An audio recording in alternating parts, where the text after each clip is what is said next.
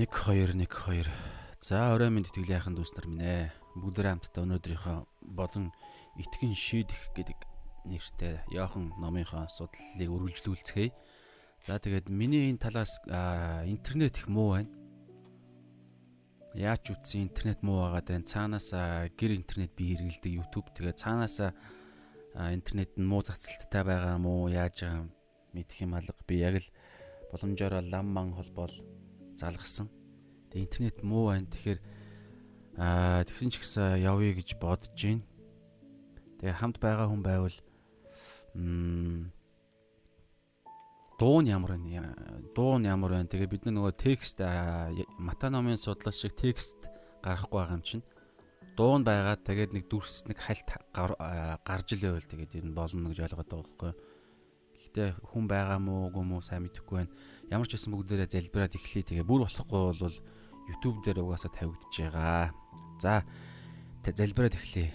Эзэн минь энэ цагийн төлөө би талархаж байна. Тэгээд өнөөдрийн цагаар дамжуулан аава та бидэнтэй яриач.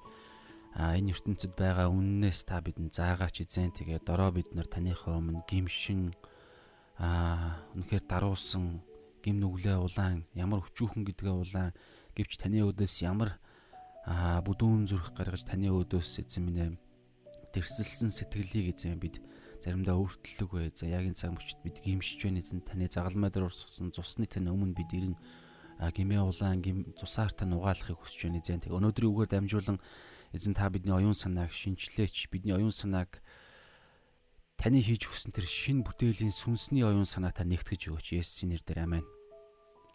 Дуу зүгээр байна гинэ. Заашгүй. За бүгд хамтаа тэгвэл өнөөдрийнх хэсгийг үзье. Тэгэхээр өнөөдрийн хэсэг бол Йохан За Йохан а 9 дугаар бүлгийн 13-аас 34 гэсэн хэсэг баха. Тий. хэсэг байна. Эдгэрлийн тухай байцав. Тэгэхээр 9 дугаар бүлэг тэр чигээрээ төрөлхийн сохор гуйлгчин Есүс эдгээсэн үйл явдалтай холбоотой нэг бүлэг бүтэн бүлэг явж байгаа. Тэрний өнгөрсөн чимээгүй цагаар бид нар ерөнхийдөө яг Есүс эдгээсэн үйл явдлыг гарч байгаа. Өнөөдөр эдгээснээс нь болж нэг тийм байцаалд явагдаж байгаа тэр хүний талаар. За бүгдээрээ уншия 13 бас эдгэрлийн тухай байцаа гэсэн гарчигтай хэсэг байна. Урд нь хараагүй байсан өнөөхийг тэд фарисеучуд дээр авчирв. Есүс амралтын өдрөөр шавар зуурч нүдийг нь нээсэн байжээ. Тэгтэл фарисеучуд түүнээс хэрхэн хараатай болсныг нь дахин асуусанд тэр нүдийг минь тэр шавраар шавсан шавсан би угаагаад тэгэл харж байна гэхэд фарисеучуудын зарим нь энэ хүн амралтын өдрийг сахидаггүй учраа бурхных биш гэв. Зарим нь нүгэлт хүн тийм тэмдгүүдийг хэрхэн үлдэж чадах вүлээ гэлээ. Тэгээд тэгээд тэдний дунд хагарал гарав. Тиймээс тэд сохорт дахин тэр чиний нүдийг нээсэн учраас түүний тухай чи юу хэлэх вэ гэд Гэхдээ тэр тэр бол иш үзүүлэгч гэв. Тэгээд түүнийг сохор байж байгаад хараатай болсонд нь юдэчүүд итгэсэнгүй. Хараатай болсон хүний эцэг эхийг дуутахад хүрчээ. Тэд эцэг эхээс нь сохор төрсөн гэж та нарын ярьдаг хүүч нь энэ мөн үү? Тэгвэл одоо тэр яаж харж байна гэж асуув. Эцэг эх тэдэнд эцэг эхэн тэдэнд энэ хүү маань энэ хүү маань мөн гэдгийг болон сохор төрснийг нь бид мэдж байна. Харин одоо тэр яаж харж байгааг бид мэдэхгүй нүдийг нь хин нээснийг хин нээснийг нээснийг ч бид мэдэхгүй. Өөрөөс нь асуу. Тэр нас бид хүрсэн. Тэр өөрөө хилэг гэв. Эцэг их нь юдэчүүдээс айсан тул тэгж хэлжээ. Есүсийг Христ гэж хүлээн зөвшөөрсөн хүн синагогоос хөөгдөх ёстой гэж юдэчүүд нэгэнтээ шийдсэн байлаа. Тиймээс эцэг их нь тэр нас бид хүрсэн өөрөөс нь асуу гэжээ. Фарисеучуд сохор байсан хүнийг хоёр дахь удаага дуудаад түүнд бурханд алдрыг өрг тэр хүн нүгэлтэйг бид мэднэ гэсэнд тэр түүний нүгэлтэй эсхийг би мэдэхгүй. Би нэг л юмыг мэднэ. Нэг л юмыг сохор байснаа одоо харж байгаагаа л мэдэж байна гэв. Тэд түүнээс тэр чамд юу үлдсэн юм бэ? Тэр нүдийг чинь яаж нээсэн юм бэ гэж асуухад би та нарт хэдийнэ хэлсэн та нар сонсоогүй. Юунд та нар дахин сонсохыг хүсв? Та нар бас түүний дагалдагчд болохыг хүсэж байгаа юм биш биз гэв. Фарисеучуд түүнийг хараан зүхэж чи л түүний дагалдагч байна. Би харин бид Мосегийн дагалдагчид Мосед бурхны айлцсныг бид мэднэ. Харин түүний хаанаас ирснийг нь ч бид мэдэхгүй гэсэнд өнөөхөн тэр нүдийг минь нээсэн байтал та нар түүнийг хаанаас ирснийг нь ч мэдэхгүй байгаа нь гайхалтай юм байна. бурхан нүгэлтнүүдийг сонсдоггүй. Харин бурханаас имэж хүслийг нь үйлдэгч хүнийг сонсдгийг бид мэднэ. Төрөлхийн сохор хүнийг төрөлхийн сохор хүний нүдийг нээснийг цаг хугацааны эхлэлээс хойш хинч сонсоогүй. Энэ хүн бурханаас ирээгүй юм бол тэр юу ч хийж чадахгүй байх байсан гэлээ. Тэд гим нүгэлт тэд гим нүгэлт төрсэн атлаа бидэнд заах нь чи гээд түүнийг хөөн гаргав. Амен. За тэгэхээр бүгд хамтдаа өмнөх тэгээ итгэн шийдэх цагаараа библи судлалынхаа цагаараа ярьсан зүйлээ товчхон дүгнээ тэгээд өнөөдрийнхэн хэсэг рүү оръё. Тэгэхээр өмнө нь юу болсон бэлээ? Яг эхний ишлэл эхний 1 2 дугаар ишлэл маш чухал дагалдагч нар нь тэр сохор хүмүүсүүд тэр сохор хүнийг төрөлхийн сохор гуйлг гууж байгаа хүнийг хараад энэ хүн энэ хүн нүгэлтэй учраас энэ хүн төрөхтөө сохор төрсөн юм уу эсвэл эцэг ихэн нүгэл үйлдснээс нүгэл үйлдснээс болоод энэ хүн сохор төрсөн юм уу гэдэг асуултаар эхэлж байгаа. Есүс тэр хүн а энэ хүн бол те бурхны ажлыг гүйцэлт Бурхны ажил түүний дотор илэрхийлэгдэхийн тулд, ивчлэгдэхийн тулд, түүгээр Бурхны ажил хийгдэхийн тулд энэ хүн энд байна гэдэг зүйлийг яриад тэгээд шүлсээрээ шавар шавар зураад шавар зураад хоёр нүдэн дээр нь дүрхээд Силомын цөөрөм рүү яваад угаа гэсэн угаасан идэгсэн урд нь гуйлг гууж ирснийг харсан хүмүүс болон хуршүүд нь түүнийг хараад таньсан эргэлцсэн. Гэхдээ би мөө ингэж хэлсэн. Тэгээд тэд нар нөгөө урд нь гуйлг гууж ирснийг харсан хүмүүс болон хөршүүд нь түүнийг бариад бариад гэдэг юм уу түүнийг аваад одоо өнөөдрийн үйл явдал эхэлж байгаа. За 13-аас уншия бүгдээрээ. Урд нь хараагүй байсан өнөөхийг тэд гэж байгаа зү те. Энэ тэд гэдэг чинь 8-аас эхэлж байгаа.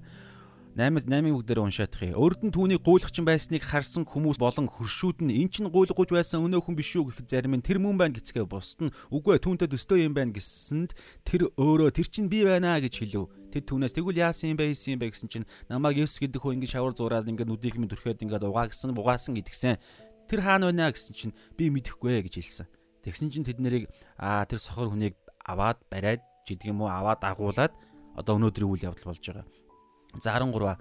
Урд нь хараагүй байсан өнөөхийг тэд фарисеучуд дээр авчирв. Фарисеучуд дээр. Ерөнхийдөө энд бол ямар хаан болж байгаа үйл явдал вэ гэхээр Юда Юдэ аймагт болж байгаа. За ер нь бол Иерусалим хотод болж байгаа гэж ер нь хэлж болно. Силоамын цөөрөм гэдэг бол Иерусалимийн тэнд байдаг цөөрөм юм байлээ.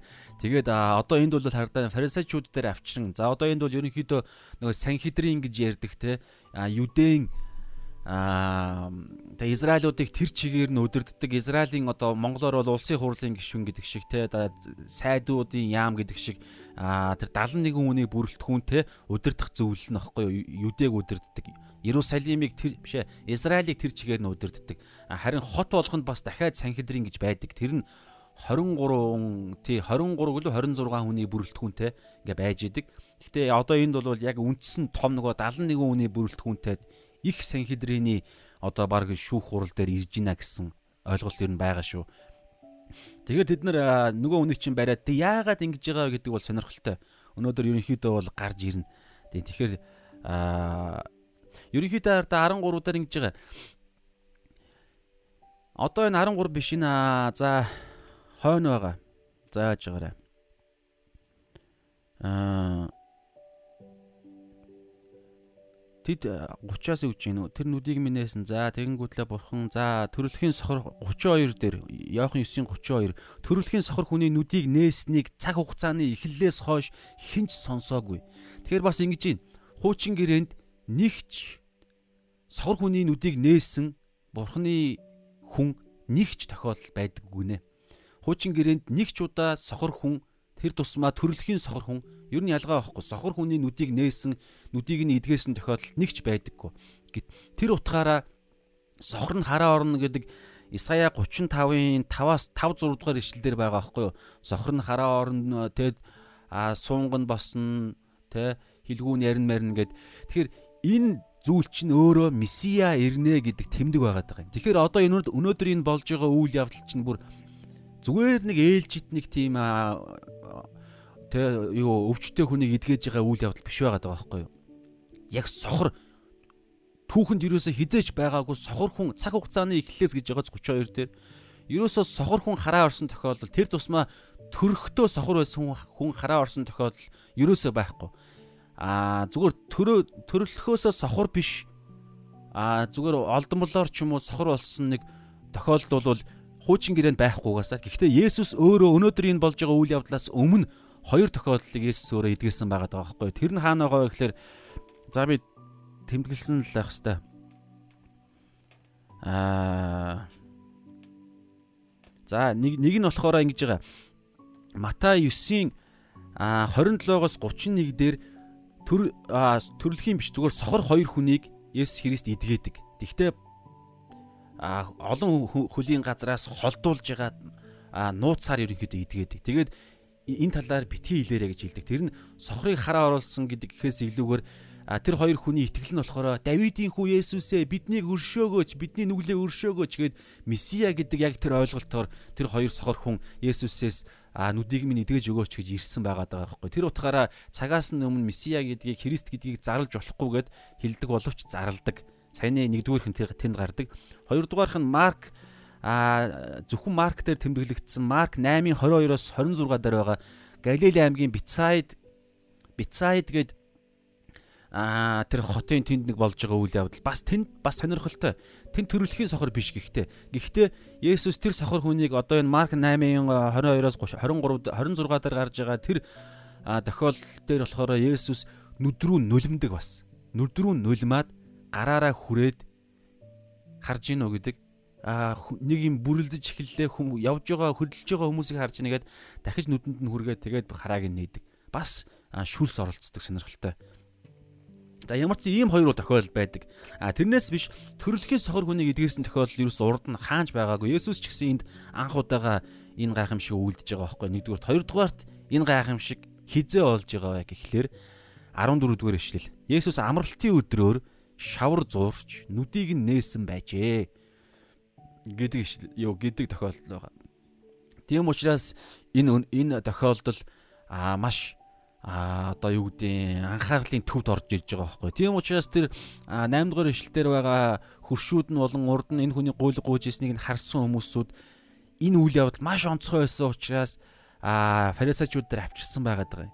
За мэдээж яаж яаж харахаас шалтгаалж бид яагаад эдгээр хүмүүсүүд фарисеучуд дээр энэ сохор хүнийг авчирсан бэ, энэ гуйлгч хүнийг авчирсан бэ гэдгийг янз бүрийн тайлбар бол мэдээж байгаа.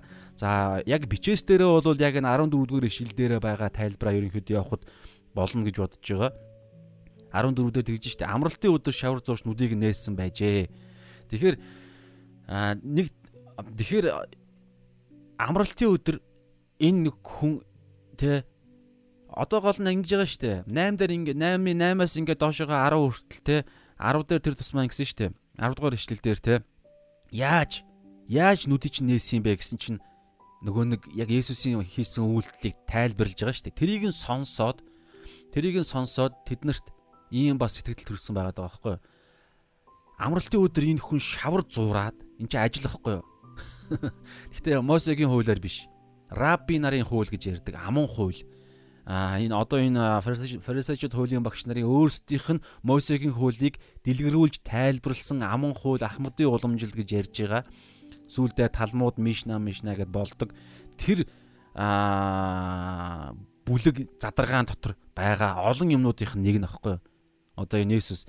Тэгэхээр ингэж нэлээ бас шин за шинэ гэрээч гэдэг юм уу эхний одоо энэ сайн мэдээний дөрвөн номон дээр Есүсийн үйлдсэн олон гайхамшиг тэмдэглэгдсэн тэр дотроос аа амралтын өдөр Есүсийн үйлдсэн гайхамшигуд 7 байдаг гинэ. 7. Том том гайхамшигуд. Тэгэхээр Иохан номон дээр ч гэсэн маш олон тэмдэглэгдсэн байгаа.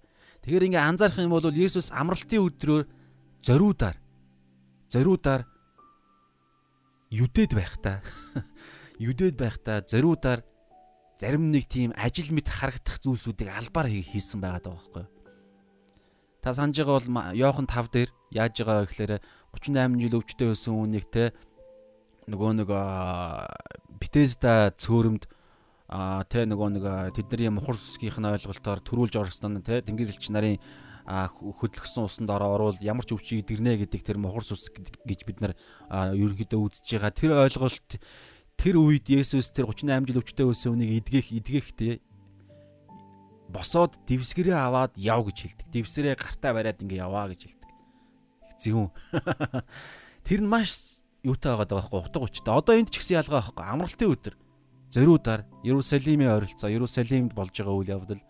Тэгээд шүлсээрээ шавар зураад тэгээд нүдэн дээр нь дүрхээд тэгээд угаа гэж хэлээд эднэр чинь нөгөө нэг яа тэр раби нарынх нь өөрсдийнх нь ажил гэж үздэг үйлдэлүүд байгаад байгаа байхгүй юу. Тийм учраас Есүс зариуд нэмэрхүү юм хийсэн байгаад байгаа. Яагаад ингэж байгаа гэхэлэр маш чухал зоригтой мэдээж. Ерөнхийдөө бол Матай 11 дээр юу гэж байгаа гэхэлэр та нар тэ асар олон худал хуурмаг тэ асар олон тэр нэмэлт заавар өөртөө ч дагаж мөрддгүү зүйлсээр энэ ард олныг хүнд буулгаар зовоож юу зовоодог тэ бурхан тийм юм хилээгүй байхад хүртэл өөртөө тэгдэг.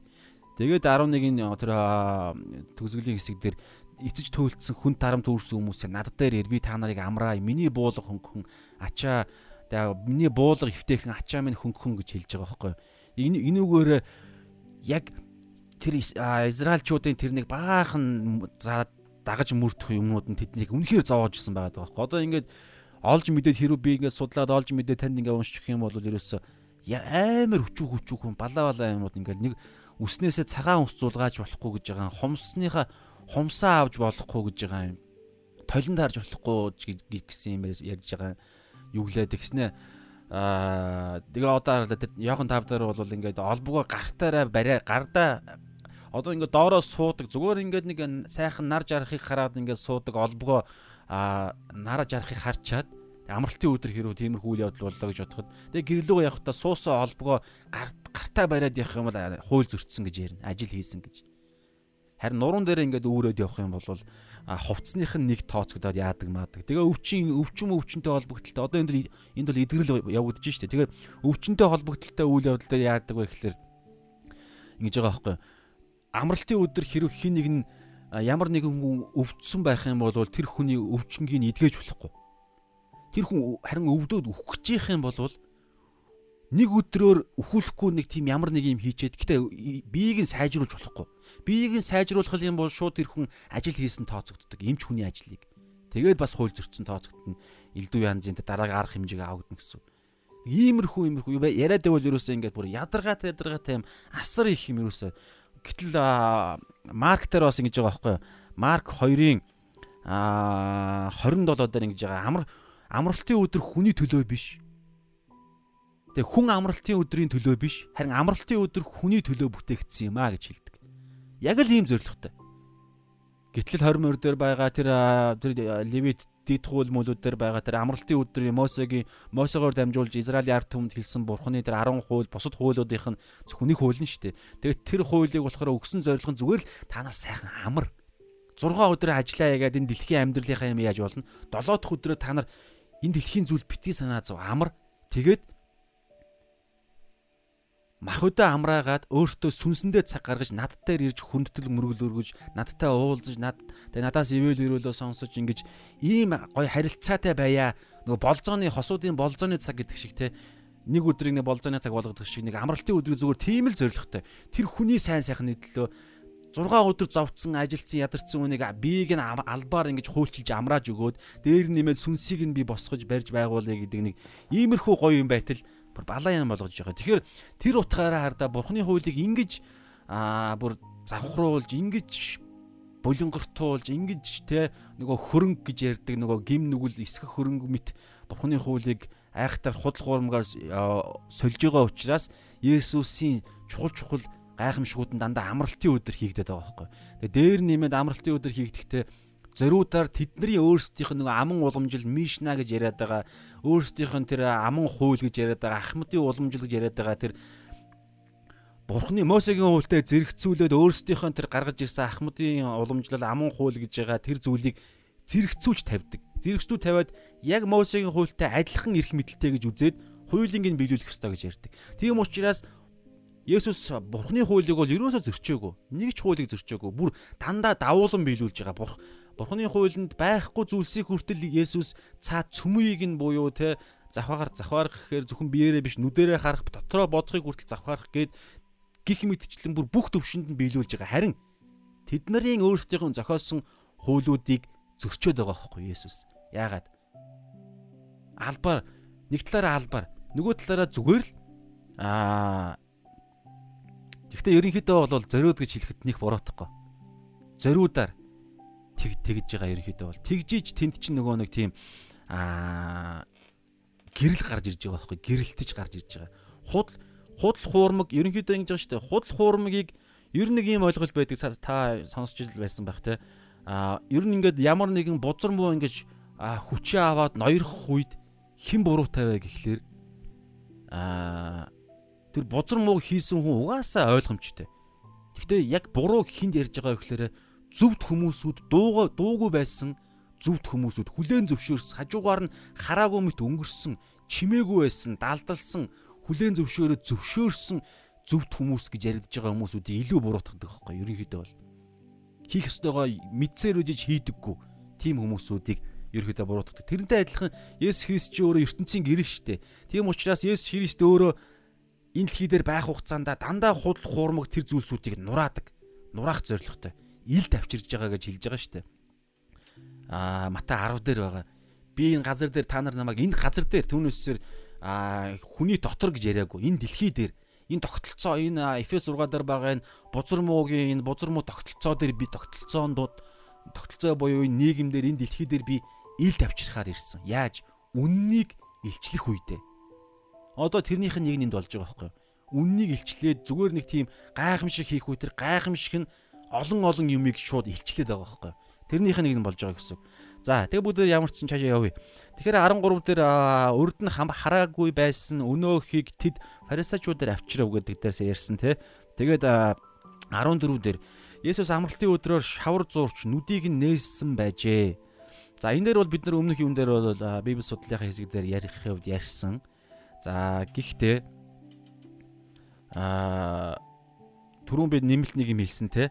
Есүс энэ одоо энд болсон төрөлхөн сохор хүнийг идэхээс өмнө яг одоо нэг он цагийн дороо он цагийн дараалалаар Есүсийн хийсэн гайхамшиг үйлчлэлийг судлахаар яг өмнө нь хоёр гайхамшиг үйлцсэн байгаа байхгүй юу. Нэг нь болохоор Матай 9-ийн 27-оос 31 хэлсэн түрүү Марк 8-ийн 22-оос 26 дээр бас бас нэг сохор хүнийг идгээсэн. Хоёр сохор хүн тохиолдол идгээсэн. Гэхдээ хоёулаа төрөлхийх биш. Гэхдээ хоёр дахь буюу Марк 8-ын 22-оос 26 дээр Есүс бас шүлсээрээ нулимаад нүдрүү нулимдаг. Энд бол шороогоор шороо руу нулимж байгаа шавар зүүрээд зуураад нүдийг нь дүрхэж яхад тэр Марк 8-ын тохиолдол дээр болохоор нүдрүүн шүлсээрээ нулимаад гараараа тавиад ингээд идгээдэг. Иймэрхүү үйл явдал болж байгаа. Тэгэхээр тэр шүлс гэдэг а бас нэг иймэрхүү юм бас байгаа байхгүй юу? Шүлс гэдгийг бас зарим талаараа нөгөө нэг имчилгээний а орц гэж үзээд байгаа байхгүй нэг талаараа.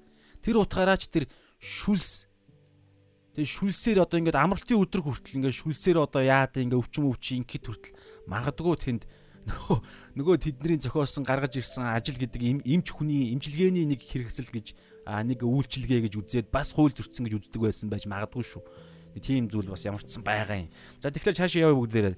Тэгээ тийм учраас өмнөхдөр бид нар бол яг ингэж үл ярилцаагүй шүү дээ. А одоо одоо бол ерөнхийдөө Есүсийн бас нэг а бас нэг ер нь бол Есүс зөвхөн энэ зорилгын төлөө би энийг хийж гинэ гэдэг юм ярьдаггүй шүү дээ. Эзэн дандаа олон талт юм ярьдаг. Нэг үйл зорилго нь а нэг Библийн ишлэл өөрөө Библи өөрөө бас тийм амьд байхгүй юу? Амьд хоёр талдаа эртээ өөрөө амьтай амьд гэдэг зүйл чинь өөрөө нөхцөл байдал хинээс юунаас хамаарж хамаарад хүн ингэж хувирах гэхээс илүүгээр хүн ингэж тэнд ингэж нөгөө харилцаанд орж те а яг ойлголцохын тулд ингээд янз бүрийн байдлаар амьд эмчи ингээд нэг юм хөдөлгөөнд нэг байдаг штэ. Тэрнтэй адилхан Есүсийн үйлчлэл альва зүйлийн хийж байгаа үйл хөдлөл болгоно бас янз бүрийн зорилготой ерөнхийдөө байдаг. Тэр утгаараа Библийн ишлэн тийм гэсэн үг штэ. Гэхдээ хизээч хоорондоо зөрчилддөггүй гэдэг маш чухал юм байдаг шүү каноны нөгөө нэг маш чухал чанар католик гэдэг чанар нь баха.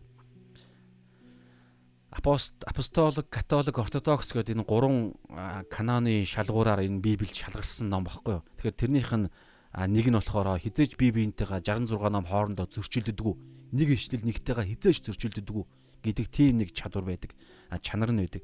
Тийм учраас өнөөдөр бид үзэж байгаа энэ хэсэг дээр Есүсийн тэр сохор хүнийг шүлсээр шавар зураа шороогоор тэг нүдэн дээр нь дүрхсэн бас нэг зорилгыг бид өнөөдөр харлаа шүү дээ. Өнөөдрийн хэсэг дээр байгаа учраас тэр нь юу гэхээр амралтын өдөр байсан учраас нэг талаараа амралтын өдөр энэ зүйлийг үйлдээд байгаа байхгүй юу? Нэг талаараа зориудаар гэж хэлэхэд нэг буруутахгүй. Зориудаар. Гэхдээ урд нь бас яг хараа оруулахад бас шүлс оролцож исэн. Гэхдээ энд яг юу шаардлагагүй юмыг зориудаар ингэсэн биш байхгүй юу? Би тэгж хэлэх гээгүй шүү. Та ингэж бодвол бас зүгээр Есүс нэг хэрүүл үдэж байгаа амтны шиг нэг юм ядаргаатай ойлголт төрж магадгүй үгүй. Урд нь бид нар өмнөх Библи судлаар ярьсан шүү дээ. Тэр хүний хүнд бас зориулж Есүс энэ үйлдэл хийсэн гэж ярьсан шүү дээ. Тэр хүний амьдрал, гэрчлэл тэгээд тэр нэг яг энэ зүйл нь тэр дараа нь мартахдахгүй ингээд тэр хүний дотор ингээд үргэлж байхын төлөө бас тэр хүн ч өөрөө сорхон уучраас а нүдэнд нь гараа хурж тэр гар гэдгийн цаана нь бол хайр илэрхийлэгдэж байгаа. Ер нь хайр а ер нь альва ингээ би биендээ хайраа илэрхийлэхэд дандаа юм гарны хүрэлт, биеийн хүрэлтүүд их чухал яригддаг шүү дээ, тэ. Тэр утгаараа Есүс нүдэнд нь гараа хүрсэн тэнд хайрын үйлчлэл явагдаж байна. Тэгээд нүдэн дээр нь гар хүрж байгаа гэдэг чинь нүдэн дээр нь би ямар нэг юм хийж байна. Тэгээд тэр хүний итгэлийг оролцуулсан, оролцуулсан гэд олон талт юм үйлдсэн. Тэрнийх нь нэг зөвхөн тал нь одоо энд бас давхар дараагийн нэг болох үйл явдлын төлөө байгаа даа байхгүй. Тэр нь бол амралтын өдөр байсан учраас зориудаар фарисеучуудын тэнд нэг хилэлцүүлгийн төлөө. Тэгээ энэ хүн чинь гол дүр нь одоо энд Есүс ярихгүй. Тэр хүн өөрөө Есүсийг өмөөлж Есүсийн өмнөөс энд гэрч гэрч болон төлөөлөгч нь болон зогсох болно. Энийг ч гэсэн эзэн мэдж байгаа. Нөгөө бурхан бол omniscience буюу бүгдийг мэдгч мөн чанартай учраас энэ цаг мөчид Есүс бүгдийг мэдчихсэн гэсэн үг. Есүсийн дотор ариун сүнс эцэг бурхан үргэлж хамт явсан төлөвлөгөө нь Иохан 5:19 дээр байгаа. Тэр эцэг бурханы оролцоо. За бүгдээрээ цаашаа явъя. Тэгэхээр 15 За тэгээд амралтын өдөр ингээд ингэсэн учраас авчирчээ. Тэгсэн чинь 15-аас тэгтэл фарисеучуд түүнээс нөгөө төрөлхийн сохор байсан хүнээс хэрхэн хараатай болсныг нь дахин асуусанд. За янд дахин гэдэг энэ үг бол яагаад гарч иж байгаа вэ гэхээр 10 дээр те хөрш болон ерөнхийдөө өнөөдрийн хэсэг дээр 3 удаа асууж байгаа шүү. За 3 гэж болно те яг хуу тий ер нь бол энэ энэ хүний энэ байцаалттай холбогдлолтой 3 удаагийн асуулга явж байгаа. Нэг нь өмнөх хэсгийн 10 дугаар ишлэл дээр байгаа. Өнөөдөр чинь бид 13-аас эхэлж штэ. Тэгэхээр 10 дугаар ишлэл дээр нь яаж ин хараа орсон юм бэ гэд хуршүүд нь урд нь мэддэг байсан хүмүүс асуусан. Нөгөөдхөө хэлсэн шавар маавар гэд ингээд ингээд намайг яв угаа гэж хэлсэн ингээд нэгдэх нь хоёр дахь нь одоо энд фарисеучуд асууж байна. Юу болсныг нь хараатай болсныг нь дахин асуусанд тэр дахиад одоо нөгөөдхөө л тавтана. Яг болсон үйл явдлыг. За уншия бүгдээр 15-аас а 15-ийн 2-оос тэ нүдийг минь асуусанд тэр нүдийг минь тэр шавраар шавсан. Би угаагаад тэгээд л харж байна. Гэхэд ямааш тодорхой. Нүдийг минь шавраар шавсан. Тэгээ би угаа гэсэн. Тэгээ би угаагаад тэгээд би хараатай болсон. гэдэг энэ зүйл. За энийг сонсон гутлаа 16-аас те а фарисеучуудын зарим нь За одоо ингээд эндээс 16 дээрээс ингээд нэг юм хуваагдал болж байгаа. За бүгдээ харъя 16-аас а фарисеучуудын зарим нь Энэ хүн амралтын өдрийг сахидаггүй учраас бурхных биш гэв. Зарим нь нүгэлт хүн тийм тэмдгүүдийг хэрхэн үлдэж чадах вүлээ гэлээ. Тэгээд тэдний дунд хагарал гарав. Нөгөө түрүү ярьсан шүү дээ.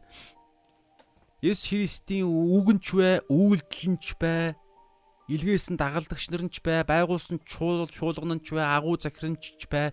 Есүс Христийн хийж байгаа энэ зүйл энэ дэлхий дээр байгаа цагт хагарлыг заавал бий болгож байгаа байхгүй нөгөө Мата 10 дээр байгаа ойлголт чинь. Мата 10-ын 38-аас 34 дээр яагаад яагаад яагаад тэгж байгаа юм? Бид нар урд нь ярьсан шүү дээ. Та Мата номын библи судалтай хамт байсан бол а Мата номон дээр бол илд гэж ярьж байгаа. Инхийг за би уншиж 34-өөс намайг намайг газар дээр инх тайвныг авчирхаар ирсэн гэж бүү бод би инх тайвныг бус илд авчирхаар ирсэн юм а гэж хэлж байгаа. Тэгээ чааш нь ингээд тэр нь ямар байдлаар ингээд илэрхийг дараагаар нь хэлж байгаа хүүг эцгийнх нь эсрэг охиных гээд ингэж явж явж байгаа те хүний дайс нь гэр бүлийнх нь болно ингээд тааш нь та уншаараа энтэй хамааралтай хэсгийг та гарчгаар нь би шалан байбл стадигаас харах юм бол байгаа. Тэгэхдээ марк дээр болохоор Аа биш ээ. Лук дээр болохоор Лук 12-ын 51-ээс 53, 14-ийн 26-аас 27 дээр Лук дээр болохоор илд биш, хуваагдал гэдэг үг байгаа байхгүй юу. Тэгэхээр Есүс Христ тэгээ бас нэг маш чухал үг нь болохоор энэ түрүүн Матай 10-ын 34 дээр байгаа газар дээр гэдэг үг шүү. Та ингэж бити ойлгоорой. Есүс Христ итгэгч нартаа илд авчирхаар ирсэн гэдэг үг биш шүү. Хэрвээ бид зүгээр ингээл хайхрамжгүй унших юм бол тэгж ойлгогдож магадгүй. Бид нар энэ дэлхийд ингээд юм хуваагаад явах хэрэгтэй юм шиг бид нар гэр бүлдээ одоо энэ дөр бүр түрүү ярьсан шүү дээ тий хүүг ихийнх нь эсрэг хүүг эцгийнх нь эсрэг охиныг ихийнх нь эсрэг гэдээ ингээ ярьж байгаа. Гэхдээ хин нь хуваагдлыг бий болгох хин нь золиослогдох вэ хин нь үзэн ядагдах вэ хин нь гэрээсээ хөөгдөх вэ гэдэг юмн дээр хохигч нар нь итгэгч нар байхгүй юу? Бидний гадуурхах биднийг хавчих хүмүүс нь нөгөө хүмүүсүүд.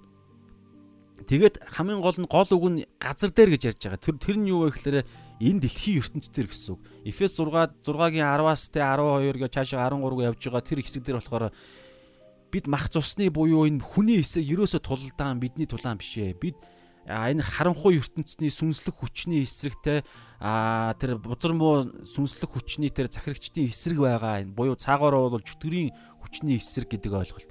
Тэр нь илэрхтэй болохоор ямар нэг юм тогтолцоогоор илэрдэг заримдаа хүмүүсүүдээр илэрдэг байхгүй. Тэр үед нь яах юм? хайрал гэж хэд хайрал. Аа тэгээд бас могоо шиг мэрэгүү ухаантай тагтаа шиг гимгүү вэ гэж ярьдаг. Тэгээ энэ одоо бид нартай энэ бидний үзэж байгаа хэсэг дээр юу гол нь би хамааруулах гэдэг байгаа гэхээр түрүүн 16-аас инсэн штэ. Энэ хүн амралт ингээ хоорондоо нэг нь амралтын өдөр зөрчсөн учраас бурхны хүн биш ээ нүгэлтэй хүн ээ гэсэн чинь нөгөө талдаа зарим нь үгүй нүгэл үлддэг хүн нүгэлтэй хүнийг нүгэлтэй хүн ийм тэмдгүүдийг үлдэнэ гэж юу гэд хуваагдал болж байгааз юунаас болж Есүсийн хийсэн зүйлээс болж. Тэгээ Мата 10 дээр бас бид нартай хамааралтай юм байгаа маш чухал юм юм ярьж байгаа. Тэгэхээр хамгийн гол зүйл аа тий түрүүн би энийг юм гаргаж ирээд орхицсон. Тэр нь юу гэхээр Есүс Христийн тэ Есүс Христийн хаанчлалын альва ямар ч зүйл энэ дэлхий дээр байхдаа хуваагдлыг авчрах тийм онцлогтой байгаад байгаа байхгүй юу? Матай 13 дээр байгаа Тэнгэрийн хаанчлалын талаарх 7 сургаал зүйрлэлж гисэн энэ энийг эдгээрийг агуулдаг агуулдаг. Тэгэхээр яагаад яагаад гэж байгаа гэхээр энэ газар дэлхий Йохан 3-ын 19-оос 20 дээр байгаа гэрэл гэрэл асах үед бузар муу нь болохоор тэр тэрийг хараад гэрлийг үзий яддаг. А харин аврагтыг хүсэж байгаа бурхнаар сонгогдсон тэгээ бурхны дуудлагад хариулж байгаа хүмүүс нь гэрэл рүү гарч ирэхдээ тийм ээ би гимтээ би үнэхээр бузар муу гэдгээ илчлээд улаагаад гарч ирээд угаалгаж цэвэр болохын тулд гэрэл рүү гарч ирдэг. Харин бузар муу үлддэг бардам хүмүүс болохоор нөгөө хариу үйл нь болохоор гэрлийг үзэн ядаад намайг онгоонд оруулах чинь миний хэртэй зүйлийг миний гимиг энэ нэг Есүсийн илчлэх гээд байна гэд үзэн ядаад хавчдаг ийм үйлдэл аль нэг л байна гэсэн. Тэгээ одоо энэ 16 дээр ч гэсэн имерхүүл юм болж байгаа гэсэн. Гэхдээ энэ дэлхий дээр байгаа учраас ерөнхийдөө нөгөө тал нь илүү хүчтэй байдаг. Та одоо анзаарах юм бол а 16-гийн энэ зарим нь нүгэлт хүн зарим нь нүгэлт хүн тийм тэмдгүүдийг хэрхэн үлдэж чадах вүлээ гэлээ. Энэ хэлсэн хүмүүсүүд одоо цаашаага нэг гарч ирэхгүй. Ингээд дарагдчихна. Тэгэхээр энэ дэлхийн ертөнц угаасаа тийм зүйл хүлээж байгаа гэж ярьж байгаа. Мата 10 дээр бол би та нарыг сүрэг чон дундах хонь мэт илгээлээ гэж ярьж байгаа. Тийм учраас амиа хамгаалахыг алдахгүй байхыг хүсч хамгаалж байгаа энэ дэлхийн амиа хамгаалахыг хүсэж байгаа хүн байвал тэр жинхэнэ амиа алдах болно гэж ярьдаг. Яагаад? Энэ дэлхий дээр байгаа тулаан учраас бид ийм л төлөв байдалд байгаа учраас тий Тиймэрхүү ойлголт ярьж байгаа. За бүгдөө цаашаа явъя тэгээд. За нэг ингээд хоорондоо хагарал бас 17-оос. Тимээс тэд сохорт дахиад тэр чиний нүдийг нээсэн учраас түүний тухай чи юу хэлэх вэ гэхэд нүдийг чинь нээсэн юм чинь чаны нүдийг чинь нээсэн тэр хүний талаар чи юу хэлэх вэ? Тэр бол иш үзүүлэгч. Нөгөө сохор хүн. За энэ сохор хүний талаар бүгдээр нэг зүйлийг бас ойлгох хэрэгтэй юм байлаа ш. Юу гэхээр төрөлхийн сохор хүн гэж байгаа штэ. Төрхөөсөө үргэлж сохор байсан. Тэгэхээр тэр хүн төрхөөсөө нэг ч удаа синагогт орж үзээгүй хүн гинэ. Яагаад гэхлээр өнөөдрийн 9 дугаар бүлэг эхлэхдээ юу гэлээ? Шавнар нь 9-2-оос 2 дугаар ишлэл. Шавнар нь түүнээс раби буюу багшаа хин нүгэл үйлдснээс гэж байгааз. Энэ юусоо хуучин гэрээний тиймэрхүү тэдний ойлголт нь ер нь юдэчүүдийн дунд тийм л ойлголт байгаа. Хин нүгэл үйлцснээс энэ сохор төрсөн юм бэ? Энэ өөрөө юу эцэг их нүгэд.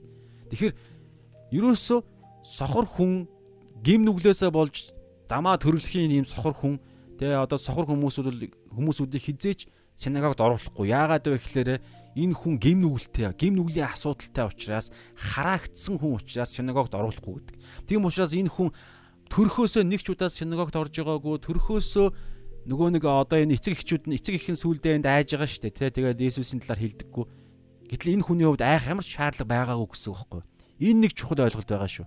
Тэгсэн мөртлөө түрүүн 17 дээр юу гэлээ тиймээс тэд сохорт дахиад хоорондоо хагалаад исэн учраас за байж байж байж дахиад тэр анхныхаа үн дээр анхдагч гэрчээс дахиад асууя тэр чиний нүдий чинь нээсэн учраас түүний тухай чи юу хэлэх хэлэх юм бэ юу хэлэх вэ За ингэж хэлсэн, асуусан. Тэгсэн чинь тэр бол иш үзүүлэгч. Есүс иш үзүүлэгч мөн үү? За Мос Дид хууль 18-ын 18 хаа. Тий, Дид хууль 18-ын 18 19 дээр байгаа.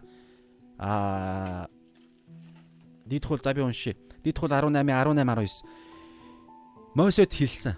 Аа амьдралынхын сүүлийн он жилүүд гэсэн үг шүү дээ. Ерөнхийдөө бол дид хууль ном чинь одоо яг нөгөө нэг амлагдсан газарт орохын өмнөх хуулиудыг эргээ дахиад багцлаад нэг суурин дээр заасан Мосегийн сургаалгахгүй. Тэгэхээр ерөнхийдөө нэлээд сүүлийнх нь он жилүүд гэсэн. Тэгээ ингэж хэлсэн. А дид хууль 18 18 би ах トゥ бурхан хэлж байгаа шүү Мосед. Би ах トゥ нарынхын дундаас чам шиг нэгэн иш үзүүлэгчийг гаргаж, нэгэн иш үзүүлэгчийг гаргаж өөрийнхөө үгийг түүний аманд өгнө Миний түүнд тушаах бүхнийг тэр тэдэнд хэлнэ. Йохан 5:19. Йохан 5:30 дээр бас байгаа. Хүү өөрөөсөө юу ч хийж чадахгүй байхаар тийм төлөв зоригтой ирсэн. Аа, тэгээ ариун сүнс баптизм хүртээд ариун сүнс бууж ирснээс эхлээд тэрээр яг бурхны хүү дүр төрхөөр ерөөдөө үйлчилсэн гэдэг бас ойлголт байгаа. Тэгэхээр миний түүнд тушаах бүхнийг тэр тэдэнд хэлнэ. 19.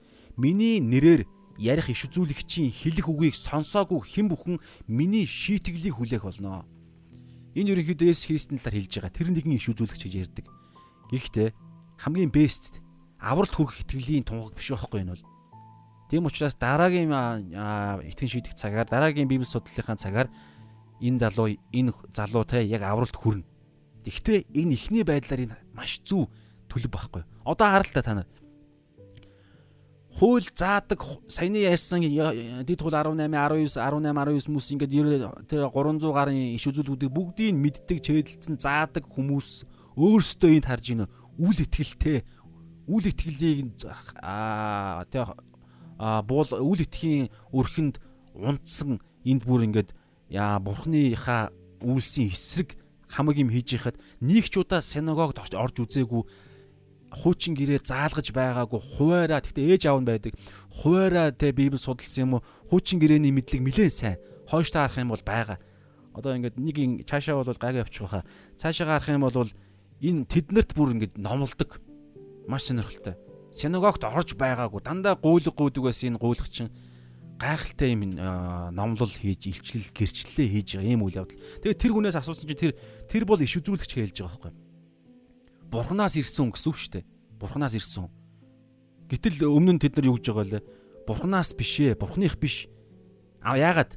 Амралтын өдөр зөрчдөг. Амралтын өдрийн хуулийг зөрчдөг гэсэн 16 дээр хэлсэн шүү дээ. Энэ хүн амралтын өдрийн хуулийг сагдаггүй учраас бурхных биш. Гэсэн чинь амралтын өдрийн хууль мэл наадах чи ямар ч хамаа байхгүй. Энэ хүн тиймэрхүү байдалтай гэсэн үг байхгүй. Ямар ч хамаа байхгүй. Тэр намайг эдгэсэн, тэр гайхамшиг үйлдэлсэн гэдэг юм сүулдэ хэрнэ. Тэр утгаараа энэ хүн бол тэр нэг юм аман хууль мөөл тэдний яриад байдаг нэг баах юмыг бол шууд үл тоогоод энэ хүн бол иш үзүүлэгч гэж хэлсэн байгаа байхгүй. За 18-аас Тэгээд түүнийг сохор байж байгаа байгаад хараатаа болсонд нь юдэчүүд итгэсэнгүү. Хараатаа болсон хүний эцэг эхийг дуутахд хүрчээ. Яг л аа ерөөдөө бол энэ төрөлхийн сохор байсан хүн иймэрхүү хэмжээний тий одоо Э, гинт нэг юм мэдгдэл хийж байгаа байхгүй. Синагогод орж байгаагүй, заалгаж байгаагүй мөртлөө нэг ийм зөрөгтэй, ийм зүйл ярихаар нь тэгээ ийм тийм одоо эго гэж ярьж байгаа шүү дээ. Эго гэж ярьж байгаа. Хувийн тэр нэг юм Есүсийн талын нэг хүний гаргадаг зан гаргаад байгаа байхгүй. Тэр бол иш үзүүлэгч гээл. Тэгэхээр нь шууд хардаал эхэлж байгаа. Энэ муу гар чинь айгүй л нөгөө дагалдагч нарын тэ барьж бий болгож байгаа зүгээр хуурмаг үйл явдал юм биш үү? а тий хувилдааных нь нэг хүнний биш үү гэдэг иймэрхүү байдлын юм болж байгаа гэсэн үг. 18 дээр тий тэгээд итгээгүй. Тийм учраас шууд эцэг нь дуурахад хүрчээ 19-оос тэд эцэг ихээс нь сохор төрсөн гэж та нарын ярьдаг хүү чинь энэ мөн үү? Тэгвэл одоо тэр яаж харж байгаа юм бэ гэж асуув. Эцэг их нь тэдэнд энэ хүү маань мөн гэдгийг болон сохор төрснийг нь бид мэдж байна за энэ хүртэл ерөнхийдөө бол болж байгаа те их гоё. Энэ хүн миний хүү энэ энэ сохор энэ хүн миний хүү бит хоёрын хүү мөн. Төрөхтөө сохор төрсөн үнэн. Мундаг гэрчлэл те. За 21-ээс харин гэд нэг юм ярьж байгаа байхгүй юу? Харин одоо тэр яаж харж байгааг бид мэдэхгүй. Нүдийг нь хэн нээснийг нь ч бид мэдэхгүй. Өөрөөс нь асуу тэр нас бид хүрсэн тэр өөрөө хэлэг гэв. Тайлбар. Йохан тайлбар хийж байна 22 дугаар эшлэл Эцэг их нь юдэжүүдээс айсан тул тэгж хэлжээ. Есүсийг Христ гэж мөн Есүсийг Христ мөн гэж хүлээн зөвшөөрсөн хүн синагогоос хөөгдөх ёстой гэж юдэчүүд нэгэнтээ шийдсэн байлаа. Тийм учраас синагогоос хөөгдөхгүй тулд эцэг их нь хөөгдөх шалтгаан болох Есүс бол Христ Бурханаас ирсэн хүн мөн гэдгийг энэ тунгаглалыг хэлэх хэлхээс айсан гэсэн үг. Энэ энэ тайлбар байгаа учраас ямар юу байна? Дүгнэлт хийж болох уу? Тэд нар мэдчихсэн гэсэн. Хүүг нь Есүс идгээснийг. Яагаад? Ерөөс хинч нь одоо бүр хоёр сүүлийнхэн жилдээ явж байгаа шүү дээ. 2 жил гарan Израиль даяараа дуу шуугаан болсон. Ян зүрийн аа стенэрэ бүр ингээд бүр өөр газруудаас тэр Сидом одоо энэ тэндээс ингээд сир мэргээл хаасайгүй өвчтөн хүмүүсөж Есүсээс юугаа өвчнөгөө идгээлэх гэж ингээд 2 жил гарангийн турш бөө юм болж ихэд энэ аав ээж хоёр нь бол мэдж байгаа нь тодорхой. Тэр тусмаа одоо энд энд бол те яг энд дараагаар нь те нэг өдөөс хойш нь уянд нэг дунд нь хугацаа орсон байгаа гэдэг ерөнхийдөө бол баримжаа байгаа шүү дээ. Тэгэхээр чинь хүүгээ харсан байгаа, хүүгээ сонссон байгаа хүүгийнхэн талаар те тэгээд Есүс чи яваад өгцөн те хүмүүсүүдийн дунд болж байгаа үйл явдал шүү дээ. Тэгэхэр чин бол ерөнхийдөө бол энэ Есүс гэдэг хүн нөгөө нэг 2 жилийн турш бөө юм болоод байгаа Есүс чинь миний хүү эдгээчжээ гэд мэдсэн тодорхой угаасаа. Тийм учраас 22 дугаар ишлэлийн тайлбар орж иж штэ тий. Гэхдээ хамгийн гол нь 21 дугаар ишлэлээр бүгдээр нэг дүгнэлт хиймээ санагдаж байгаа байхгүй. Тэр нь юу гэхээр хаасайгүй нэг иймэрхүү иймэрхүү юм гарч ирнэ. Матай 10-ын түрүүн би Матай 10-ын 39-ээс нэг уншсан шүү дээ. Тэрний өмнөх ишлэл дээр нэг ийм ишлэл байгаа. Есүсийн өөрийнх нь хэлсэн ишлэл. Бид нартай маш хамааралтай. Саяны энэ эцэг эхчүүдэд эцэг эхчүүдэд хэлэгдэх ёстойг байхгүй юу? Эцэг эцэг ихийнх нь энэ 21 дугаар ишлэлээр те харин одоо тэр яаж харж байгаа бид мэдэхгүй нүдийг нь хин нээснийг нь ч бид мэдэхгүй өөрөөс нь асуу гэдэг нэг а аюулаас өөрийгөө эцэг их хоёр нь аюулаас өөрсдийгөө хамгаалаад хүүдээ өгчөж байгаа аюулыг. Гэхдээ хүүд нь их аюул байхгүй. Яагаад тэгэхээр угаасаа синагогт хамрагдаж байгаагүй. Харж байна. Тэгэхээр нэг талаараа мэрэгүү ухаан зальч юм шиг те. Гэхдээ одоо энд нэг юм ишл байгаа. Матай 10-ын 33 дээр Есүсийн хэлсэн үг шүү. Гарчиг нь хинээс айх ёстой вэ гэдэг гарчигтай. Илгээл 12 дагалдагч нараа сонгоод илгээхээс нь өмнө болж байгаа бүлэг энэ сургаал ахгүй энэ дунд явагдаж байгаа. Өөртчлэн аюулгуудыг сануулж байгаа, зааж байгаа, анхааруулж хэлж байгаа юм дунд явж байгаа. За 33. Харин хүмүүсийн өмнө за би нэг өмнөхөөс нь уншсан дээр баха. А 32-ыг уншия. Матай 10:32-оос 33. Тиймээс хүмүүсийн өмнө намайг хүлээн зөвшөөрөгч хүн бүрийг би тэнгэрт хэцгийнхээ өмнө биш ээ 28-ыг би уншаад тэгээ саяныхаа уншия. 28 махуудын махуудыг хөнөөгчдөөс бүү ээ. Учир нь тэд сэтгэлийг хөнөөж үлч чадна. Харин сонсоороо та биднэрт маш хамааралтай. Авралт хамаатай шүү дээ. Авралын 5 тавралт 5 үе шатыг Есүс өөрөө яг заасан. Бид нараас та санаж байгаа бол Матай дээр Биш ээ. Йохан 16-гийн 16 дээр байгаа лөө. Тэ. Биш ээ. Матай 16-гийн 16-тай хамаар 16-г багтаасан хэсэг бүхий Библи судал дээр нь байгаа шүү. Есүсийн үгээр авралын аврал хэрхэн яг хилэгдсэн бэ гэдэг дээр 5 5 дахь нь одоо энд тахгүй юу? Энд хилэгдэж байгаа. Биднэрт хамааралтай, бидний авралын оролт орцсонд хамааралтай. Тэгэхээр 28 дээр ингэж штэ махуудын хөнөөгчдөөс бүү ээ. Учир нь тэд сэтгэлийг хөнөөж үл чаднаа. Харин мах бод болоод сэтгэлийг хуйууланг нь тамд устгах устгаж чадах түүнээс айхтун тэ өсгөн томоор бурхнаас айхтун гэж байгаа. Тэгээд 28 32 33 Тимээс хүмүүсийн өмнө намайг хүлээн зөвшөөрөгч хүн бүрийг би тэнгэр дэх эцгийнхээ өмнө мөн хүлээн зөвшөөрнө. 33 Харин хүмүүсийн өмнө намайг үгүйсгсэн хэнийгч болов би тэнгэр дэх эцгийнхээ өмнө үгүйсгэнэ. Аврал яригдж байгааз. Матай 10:22 дээр ингэдэг бас. Миний нэрнээс болж бүгд та нарыг үзэн ядна. Харин эцсээ хүртэл тиссэн нь аврагдана. Энэ Матай 10:22 нөгөө авралын 5 дахь үе шатанд хэрэглэг яадаг аа орж ирдэг. Тэр авралын 5 үе шатын эхний дөрөв нь болохоор ерөнхийдөө бол биднэрт хамааралтай хийгдэж явж байгаа. Аа 5 дахыг бид нар заримдаа орхитуулдаг. Тэр нь юу вэ гэхээр аврал яг биднэрт өгөгдөөд яг бодтой бариад одоо бол бид нар яг бодтой авралыг яг аваагүй байгаа шүү дээ. Яг бодтой. Бидний гарт байхгүй. Яг бодтой бид нар тэ эзэнтэйгээ бурхан аавтайгаа тэнгэрийн аанчлал яг одоо биш энэ газар дээр байгаа. Нөгөө Эфес 6-гийн 16 дээр хэлж байгаа 10 10 дээр 10-аас цааш хэлж байгаа энэ сатааны бузар муугийн харанхуйн захиргааны захиргаан дор байгаа энэ дэлхий дотор бид нар байгаа учраас биднэрт яг бодиттой аврагд гар дээр байхгүй байгаа. Тийм учраас авралын 5 дахь үешэд яаж байгаа юу гэж байгаа вэ гэхээр эцсээ хүртэл яг Есүс дээр очих хүртлээ Есүсийн үгэн дотор Есүсийн дотор гэрэл дотор гэж ярьж байгаа. Библийн үгэн дотор нь итгэл дотроо ариун сүнсэн дотор үргэлжлүүлэн явж чадсан нь аврагдана гэж ярьдаг. Эцсээ хүртэл дэвцсэн нь дундаасаа төвчихгүй бол аврал байхгүй гэдэг юм Есүс өөрөө ярьдаг. Есүс авралын эзэн өөрөө тэгж ярьдаг. Хин нэгэн пастрын номлол ингээ ярих юм бол оо энэ нөгөө нэг гаж пастор байна. Буруу биднийг айлах гэж байгаа буруу иш үзүүлэгч байна гэж ярина хуурамч. Гэтэл Есүс өөрөө тэгж ярьдаг. Авралын эзэн.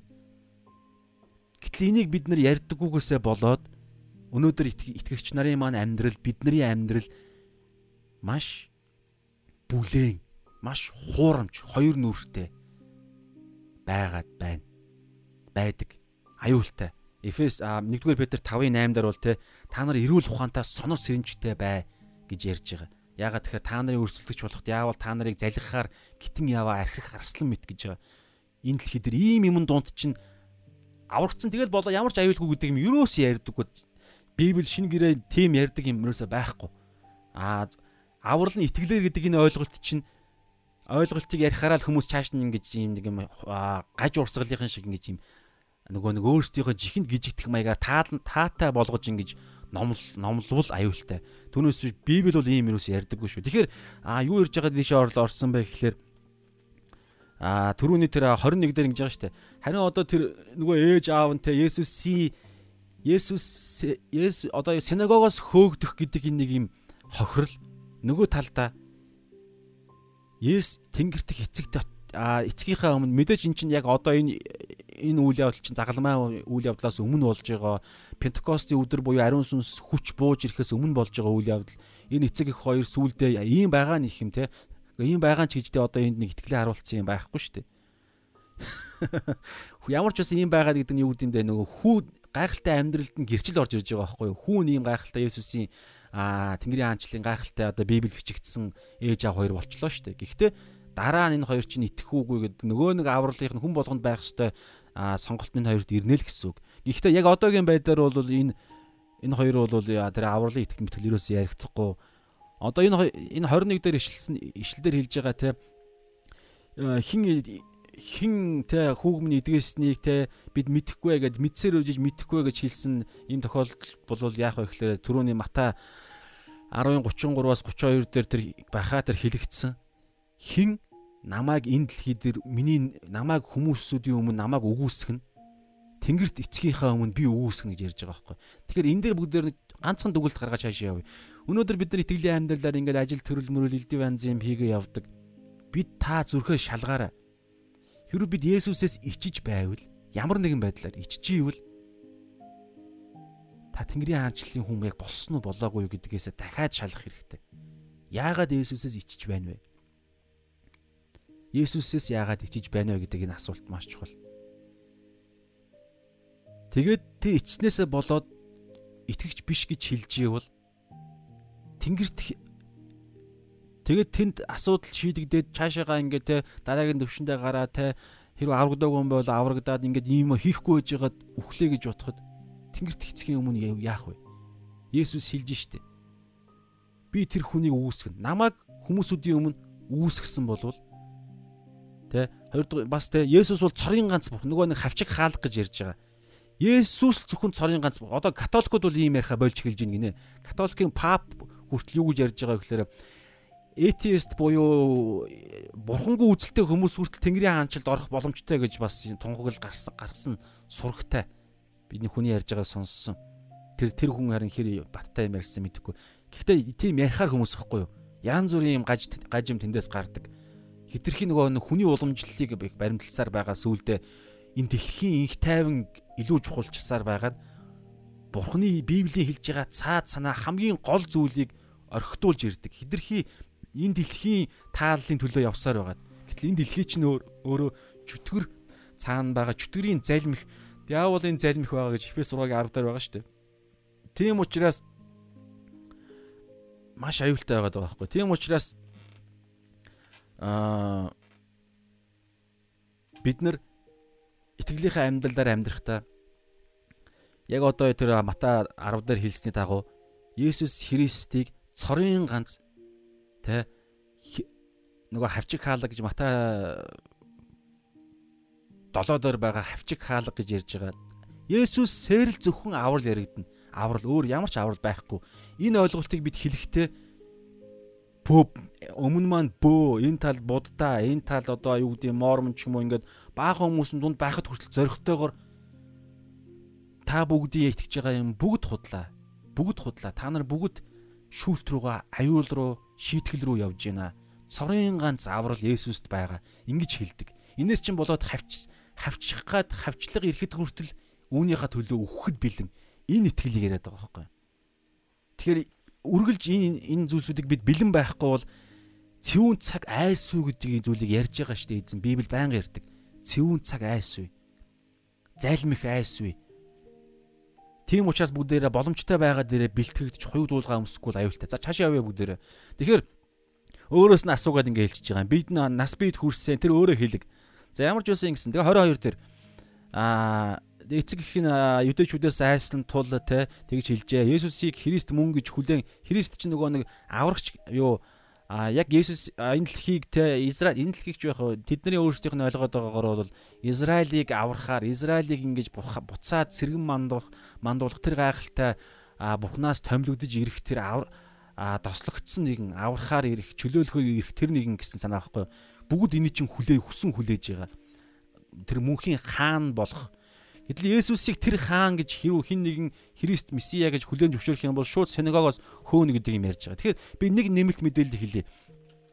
Аа, ерөнхийдөө бол ингэнэ Талмуд гэдэг ном байгаад байгаа байхгүй нөгөө нэг тэр Библиэд зэрэгцээ нөгөө нэг Библийг тайлбарлсан багш нарын тайлбар мэлбэр орцсон ингээд нэг юм ном байгаад байгаа. том бүтээл маш олон заалттай.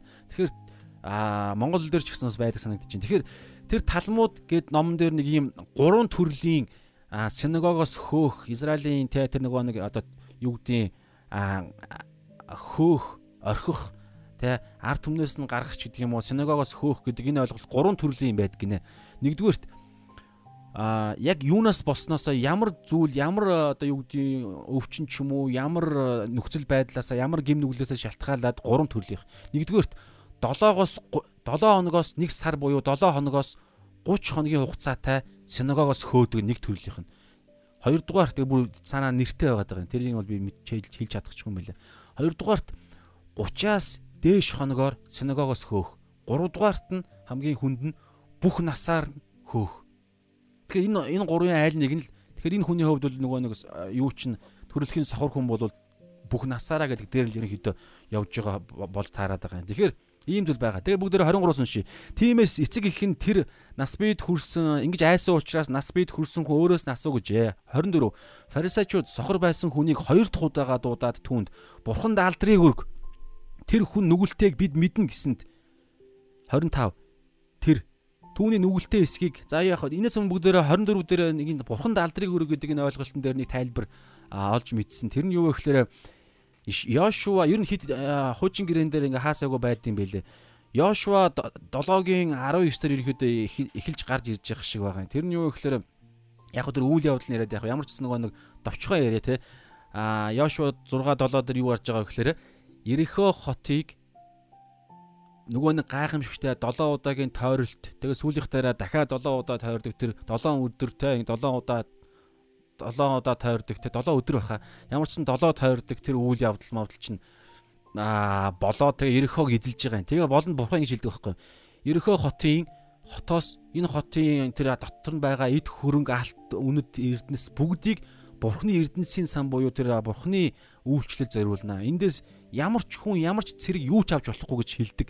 Гэтэл Юда овгийн ингээд яваад яваад Ахаб гэдэг хүн нэг зүйлийг аваад одоо хулгаал нь бурхны үгийг зөрчөөд аваад байхандаа нуучдаг. Үүнээс болоод дараагийнхаа эзлэх ёстой хот Аи хот руу дайрахтаа тэд нар ялагддаг.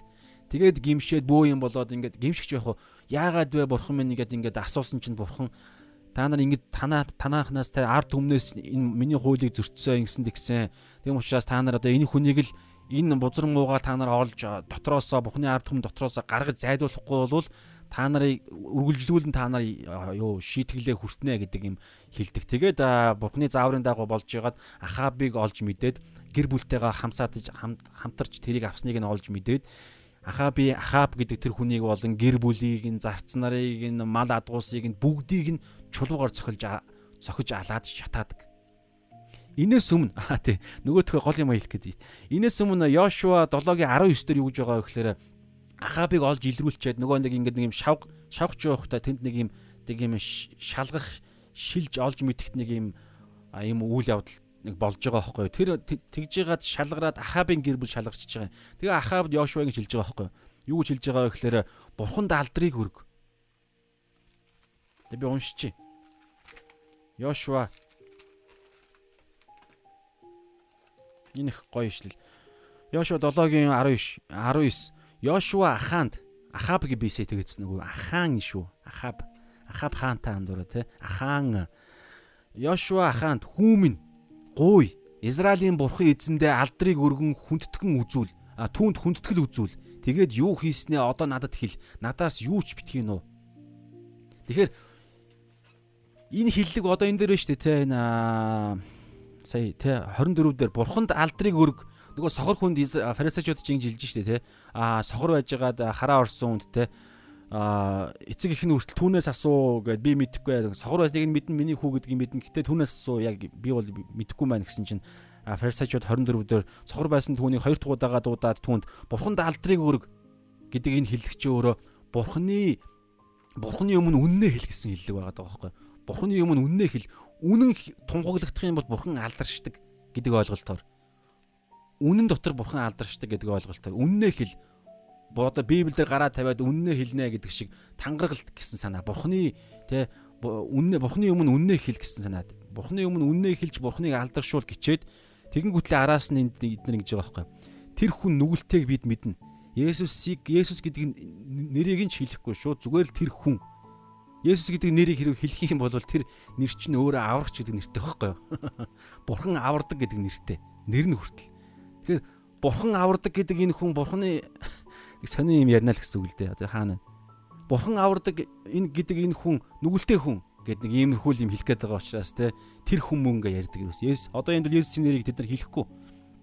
Тэгэхээр тэр хүн нүгэлтэйг бид мэднэ гэж байгааз бид мэднэ. Мэдхгүй шүү дээ. Нэгдүгээр хоёрдугаар тэд хараа Есүс өөрөө Иохан 8:46 дээр ингэдэг хараа. Намайг нүгэлтэй гэж нотлох хүн та нарын дотор байна уу гэж асуухад хинч хариулаагүй байхгүй. Тэгээд дараагаар нь тэгвэл би үннийг хэлэхэд та нар яагаад надад үл итгэх нь вэ?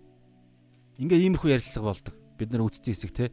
Тэгэхээр тэд нар Есүсийг нүгэлтэй гэж нотолж чадаа гэж чадахгүй байцсан байхгүй. Тэгсэн мөртлөө одоо энд энэ хүний энэ хүний өмнө бол айхтар тийм худлаа дүр дүрд орж ярьж байгаас те. Бурхан тангаргалан үннийг хэл тэр хүн нүгэлтэйг бид нар мэднэ. Бурхны хүмүүс бид нар мэдж байна. Тийм учраас чи үннээ хэлгээл те. Тэр хүнийг шууд нөгөө нэг айлгаж сүрдүүлж тийм ээ тэр хүн бол нүгэлтэй мөглтэй гэдэг тийм гэрчмэрч бий болох гээд байгаа байхгүй юу.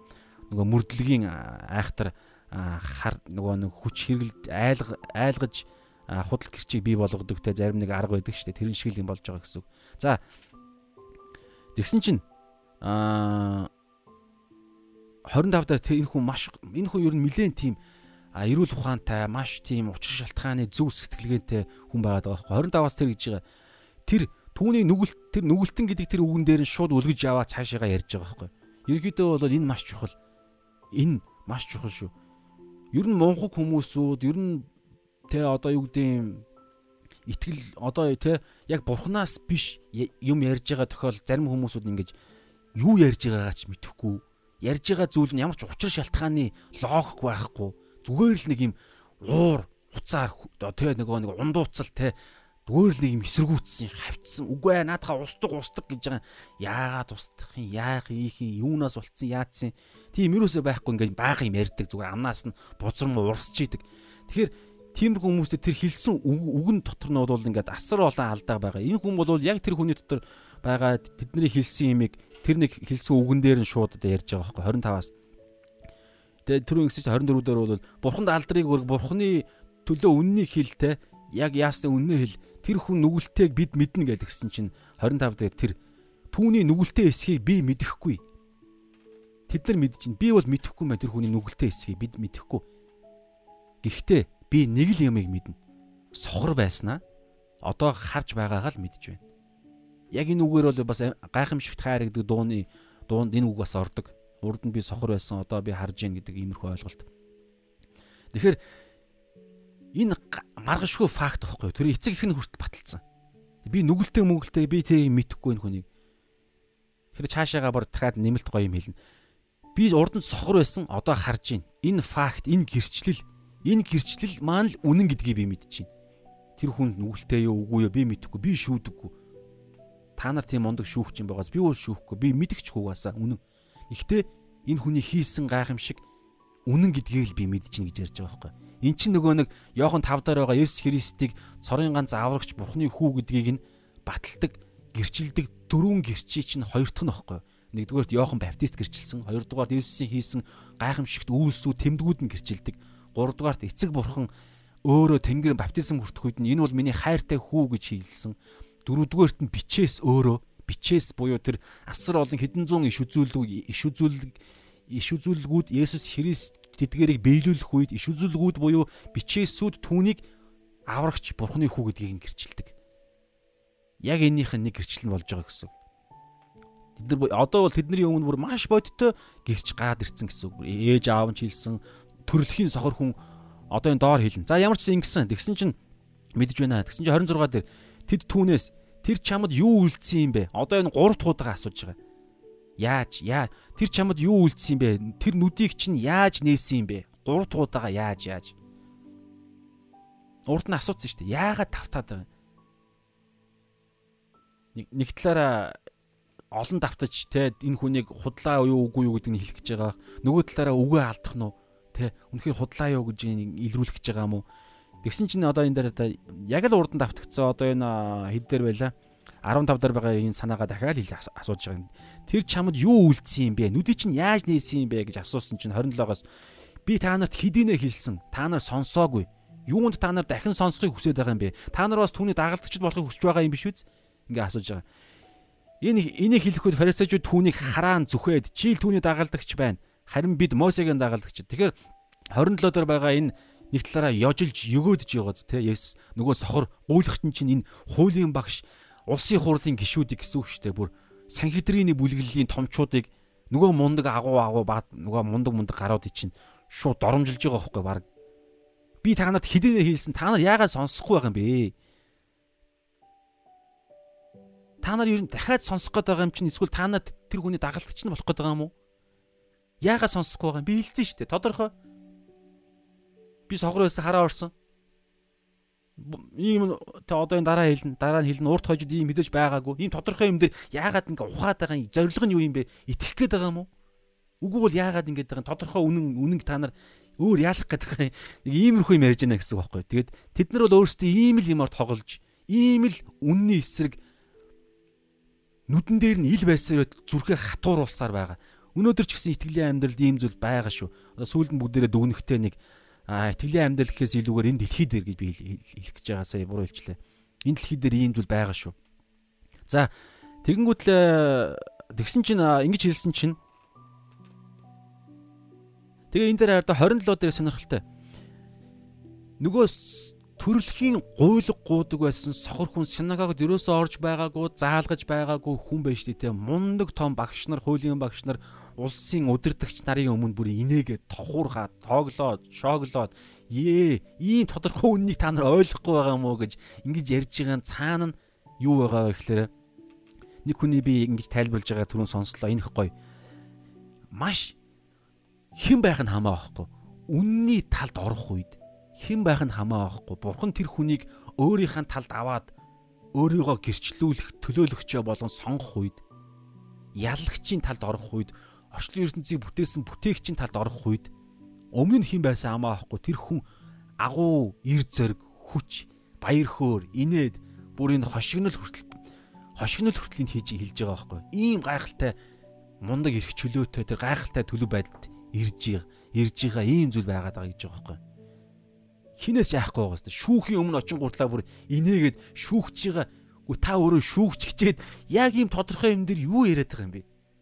Иймэрхүү юм ярьж байгаа гэсэн санаа. Тэгсэн чинь нөгөө нэг хүн ингээд нөгөө нэг яадаг штэ те баригдахаараа нөгөө нэг булааны илэрхээр хүн ингээ бантаад нэгэд бүр балаан болдог штэ. Яг нөгөө нүүр мөр нь улаагаас үлдээ бүр уурлаад тэгээд бүр за зайлаа гэд хэлээд яваад өгдөг шиг л баг юм болж байгаа байхгүй энд одоо энэ хардаа а 28-аас фарисеучуд түүнийг хараан зүхээд хараасан байгаа хараа зүгсэн байгаа гэсэн өөрөөсөө онгонд орж байгаа байхгүй энд бүр тэгээд Йохан 3:19 19-с 20 дээр түрүүн би бас хэлсэн шүү дээ эн чинь гэрэл байхгүй юу гэрэл ертөнцид ирэхэд ертөнц нэг болвол харанхуйн гим нүгэл нь илчлэгдэх гээд байгаа учраас үзэн ядаад уурлаад хараад зүхээд бүр ингээд гэрлийг шатаагаад унтраагаад чулуугаар зохиод загалмаа дээр Есүсийг хадсан шиг ингээд байхгүй болгоод хавчаад дуусгадаг хүч нь байгаа учраас яагаад вэ гэхээр жүтгэрийн дэлхийд үхлээр дамжуулан ороод ирцэн байгаа. А нөгөөх хүмүүс нь яадаг вэ гэхээр гэрэл гарч гэрэл асах үед хүүе би ийм байлэр байсан юм уу? Хүүе тийм биш тэ халиг угаа яаж угаахыг би угааж чадахгүй биш тэ Өө Есүс та угаах юм уу? Өө ямар гоё юм бэ? Намайг уучлаарай өршөөгөөрэй. Би үнэхээр та намайг авраач би гимтэн мэмтэн гэдэг нэг ийм хоёр хариу үйлдэл хийдэг гэдэг байгаа байхгүй. Одоо энд бол нөгөө хүмүүсүүд нь нөгөө хариу үйлдэл хийж байгаа гэсэн үг. Есүс биш зүгээр Есүсийн ивэлрүүлэх хүртсэн тэр хүн хүртэл энэ цаг мөчид Есүс ч биш зүгээр нэг гуйлгчийн эднэрийг байдалд оруулж байгаа үстэй. Тэгэхээр Есүс бол ойлгомжтой тэднийг бүр үзэн ядуулах бүр үргэлж Есүсийг алахыг хүсэж байгаа нь үнэхээр тодорхой байгаа байхгүй. Ягаад тэгэхээр яах аргагүй үнэн үнэн тээсэн гэрэл байгаад байгаа учраас хамаг бузар булааг нь илчлээд ичлэх гээд байсан учраас алхаас өр аргагүй болж байгаа байхгүй тэдний хувьд бол бууж өхгүй л бол үнэхээр даруй байдалж бардам зангаа орхихгүй бол тэд нар бол яг энэ эрх ашигаа хамгийн чухал гэж бодож байгаа бол угаасаа тодорхой математик тооцоол ойлгомжтой. Есүсийг алсан л дээр аврал биш зүгээр энэ дэлхий дээр амьдралаа илүү чухал тооцож байгаа бол Есүсийг алсан л дээр гэдэг. Тийм л юм бид нар шийдвэр гаргасан гэсэн. За тэгэд уурлаад хараад зүхээд чийл түүний дагалдагч байна. Харин бид Мосегийн дагалдагчид 29 Мосед Бурхны айлцныг бид мэднэ харин түүнийг хаанаас ирснийг нь ч бид мэдэхгүй гэсэнд. Тэгэхээр тэр хүний харангуутлаа те 28 дээр чийл түүний дагалдагч гэж байгааз те. Мэдээж дагалдагч нь биш гэдгийг бид нар мэдж байгаа. Тэгэхдээ энэ байр суурь нь яг дагалдагч нарын нь одоо их сонирхолтой та нэг анзаарал да. Энэ Есүс Христийн амьд байхад нь тэр өдгөө үхээд Пентекост тэ амилсныхын дараа нь л Есүс Христийн дагалдагч нар эр зөргөөр дүүрсэн шүү дээ. Санаж байгаа юу та? Бүгд айгаад хаалгаа төгжөөд нуугдчих үед нь Есүс Христ амилсан биеэрээ ирээд өөрийгөө харуулдаг. Тэгээд бас тэ 500 гаруй хүмүүсүүд харуулж байгаа үйл явдал мод асар олон юм болж байгаа. Тэгээд өөрийгөө баттай нүдэн гэрч нарыг үлдээгээ тэгээд дээшийгөө явж байгаа. Тэгээд 50 дахь Пентекостийн өдөр ариун сүнс хүчийг хүчийг илгээд илгээж байгаа. Тэгээд тэр хүчийг авах үед л яг энэ үед энэ энэ сохор хүний яг одоо энэ шүүхийн өмнө ямар эр зөрөгтэй байгаа шихээ яг тийм төлөв байдал очдөг байхгүй. Энэ хүний хувьд бол нэг айхтар Есүс бол бурхан мурхан түүнд итгэн митэг гэж яриаггүй шүү дээ. Зүгээр л нэг л фактыг хэлсэн. Би сохор байсан, хараатай болсон. Эн чинь тэгтээ бас үнэн байхгүй. Яг энэ факттай адилхан бидний амьдралд гэрчлэлүүд байж иж тэр гэрчлүүд чинь бидний итгэлийг барьж байгуулад байгуулна. Тэгээ тэр итгэл маань барьж байгуулагдаад итгэллээрээ бид нар ингээ хүчрэгжээ төлөвшөөд хоёуг дуулгаа өмсөө тэ итгэлийн бамбаагаараа бариад ингэх үед ирээдүйд ирэх янз бүрийн шүүх, элдв янзын шүүх, сорил, морил тэ өрх зан мангууд ирэх үед яг энэ хүн шиг зүгээр факт байгаа юм чинь хизээж худал хурамгийн эсрэг эргэлзэж сорилтонд орохгүй байхгүй. Тийм учраас өдөр болгон бид Библи судалч нь мэдээж чухал. Библи судлаараа ингээд бид нар юугаа аваад тэ үннээ олж мэдээд. Тэгэд хамгийн гол нь Библи ярьж байгаа юм юу гэхээр амьдрал дээрээ. Амьдралаас ч нь л энэ итгэл чинь барьж байгуулагдаад байгаа байхгүй а Библиэс болохоор яаж байгаа гэхээр Библиэс а яг үннүүдийг олж хараад гэрэл зүрхэндээ тэгээд тэгээд нөгөө нэг дуудлал 119-ийн 105 дээр байхаа таны үг бол миний хөлдөх дэнлүү гэж байгаа байхгүй Библи гэсэн үг шүү дээ үг. Хөлдөх дэнлүү. Алхаа алхам ярьж байна амьдралын тэр алхдаг гэрлүүгөө явдаг, жорлоо ордог, ажил руугаа явдаг үйл явдал ярьж байгаа байхгүй. Тэгээд хөлдөх дэнлүү. Тухайн үеийн дэнлүү чинь нэг нэг юм уу хоёр алхмын л энэ зай гэрэлтүүлдэг. Тэгээд цаашаага тэр зорсон газартаа хүрэхийн тулд зайлшгүй алхам шаарддаг. Миний нэг тэр хөлдөх дэнлүү гэдэг тэр ойлголт тэр ахын түүхэн соёлоороо бол тэр дэнлүү нь болохоор миний нэг алхмын өмнөхийг гэрэлтүүллээ одоогийн гарч идэн шиг ингээд бүр дор хойж бүр ингээд 20 30 алхмыг харуулчаад ингээд тэр 20 30 алхмын дотор ингээд чөлөөтөө явдаг шиг биш. Итгэл шаардна. Алхам шаардна. Үйл зориулалт шаардна. Би тэр зорж байгаа газар руугаа явахдаа би нэг алхлаа. 2 3 дахь алхахыг алхмын цаана байгаа зам харагдахгүй. Харахын тулд би дахиад нэг алхах ёстой. Аа харлаа. Дахиад алхна. Харлаа. Дахиад алхна. Өө нөхөө ийшээ ирлээ. Дахиад алхна. Нөхгүй нь явлаа иймэрхүү юм чинь эзний үг гэдэг байгаа байхгүй. Тэгэхээр эзний үг зүгээр ингээд нэг мэдэх нь биш. Мэдэх чинь хамгийн тэр эцсийн зогсоол нь биш байхгүй. Мэдснийхаа дагуу энэ харанхуй дэлхий дээр бид амьдарч явна. Ингиж амьдраад амьдраад тэр үгээр нь үйлс гаргаж амьдрах үед тэд нар үйлс тэр үйлс гаргасан тэр тохиолдол чинь эргээд биднэрт нэг зүйлийг Еврей 11-ийн 1 дээр хэлдэг те баримт нотлогоог баталгааг биднэрт ингэж өгдөг тэр чинь өөрөө нөгөө гэрчлэлүүд байхгүй. Одоо энэ хүний хувьд асар чухал гэрчлэлтэй болчлоо шүү дээ, тий. Аа сохор байсан, төрөлхийн сохор байсан, хараа орсон. Эн чинь асар чухал нөгөө нэг итгэлийн чинь нөгөө нэг еврей 1-ийн 11-ийн 1 дээр байгаа итгэл бол найддаг зүйлсийн бодит байдал харагдахгүй зүйлсийн нотлох баталгаа баримт гэж байгаа шүү дээ. Баталгаа, нотлох баримт. Есүс агуу Есүс уучлаарай агуу хүчтэй бүтээгч бурхан гэдгийг гэдэг нэг нь ойлголт чинь харагдахгүй зүйл. Гэхдээ тэрийг нь энэ хүний хувьд үнэн гэдгийг нь батлах нэг юм нь энэ нүд нь төрхөөсөө энэ нүд гэдгийг байгаагүй байхгүй энэ хүний хувьд төрлөхөөсөө а зуурдаар нүд нь сохорсон бол ингээд ганц нэг юм зарим нэг юм ингээд засвал эргээд хараарах боломжтой. Гэтэл төрхөөсөө нүд гэдэг ойлголт юусоо байхгүй би харагдах байл яриагүй цаад мэдрэл зэдэл гээд ийм зүйл ийм зүйлийг оргуу оосноос бүтээсэн метр шороогоор шавар зураа шүлсээрэ гэдэг юм уу тэр усаар гэдэг юм уу ингэж зуураад яг ус шороо гэдэг чинь дэлхийн ойлголт шүү дээ. Тэгээ тэр хүний хувьд цоош нүдийг бүтээж өгж байгаа. Эндээс энэ чинь нөгөө нэг Еврей 11-ийн 1 дээр хэлж байгаа Есүс харагдахгүй зүйлс найддаг зүйлс гэдэг тэр нэг Есүс бол бүтээгч бурхан гэдгийг чинь баталгаа бодит байдал гэдэг энэ зүйл чинь энэ хүний хувьд харж байгаа нүд нь багхгүй. Өдөр болгон энэ дэлхийн ертөнцийг харахтаа энэ хүн Есүс бол оргуу осноос нүдийг бүтээх чадaltaй бурхан гэдэг нь энэ байна гээл өөрийгөө хараад толинд хараад хүн амьтаа хараад өнгө хараад баярлна гэсэн. Яг энэ зүйл итгэлийн амьдралд байж ээж бид нар энэ дэлхий дээр амьдрахдаа гэрэл давс болно нэгдүгээр хоёрдугаарт энэ зүйл чинь л өөрөө аврагдсан итгэгч хүний амьдралын чинь цорын ганц зам гэдэг байгаа байхгүй. Ингэж л амьдрах ёстой. Ингэж амьдрахгүй бол тэр хүн анханасаа аврагдаагүй байна эсвэл дундаасаа тэр хүн аа бүдэрч салж хууртагдаж явна гэсэн үг. Барайнд орч чадахгүй гэсэн үг. Эцсээ хүртэл төвчж чадахгүй гэсэн үг. Төвчхийн тулд чинь байнгын тэр аа итгэлийн баталгаанууд чинь хэрэг болж байгаа. Тэгэхээр ийм а зүйл бүгдээр ямар ч байсан дүгнээд та яг саяны ярьсан зүйл дээр та бас хувьдаа хэрэгжүүлэлт байвал бодоод яваарай гэж хүсэж байна. Би ч гэсэн бодоод явна. За цаашаа явъя бүгдээрээ. Аа хараад зүхөөдөө дагалдагч яа тий дагалдагч дээр санийхыг ярьсан байхгүй ерөөхдөө бол тэгэхээр яг энэ хүний хувьд энэ хараа нь орцсон гэдэг нь дэндүү бодиттой байгаа учраас ийм бодиттой үнэн байхад Энийг тэг эсэргүүцэж байгаа биш гэж байгаа үнийг харангуутлаа юу вэ? Энэ үнэн байж тээ. Юу яриад байгаа? Энийг харахгүй байгаа мó багш нүдтэй юм байж юу вэ? Арай яах байгаа юм бэ ингээд нэг иймэрхүү хошин байдалтай байгаа юм шиг дагалдагч нар Пентекостийн өдрөөс хойш яг л ийм болсон байхгүй яг юм бас Есүс Христ үхлээс амьсныг бүр нүдэрээ харсан. Хэдэн өдрийн турш харсан. Хамт загас идсэн хоолсон ярьсан. Хамтдаа сайхан байсан. Тэгээ мөрөн дээр нь юмаа мөрөн дээр нь тэ илгэн дээр нь чэйжэн дээр нь толгоогоо нялсан байх гарнаас нь барьсан байх. Бүр бодиттой харсан.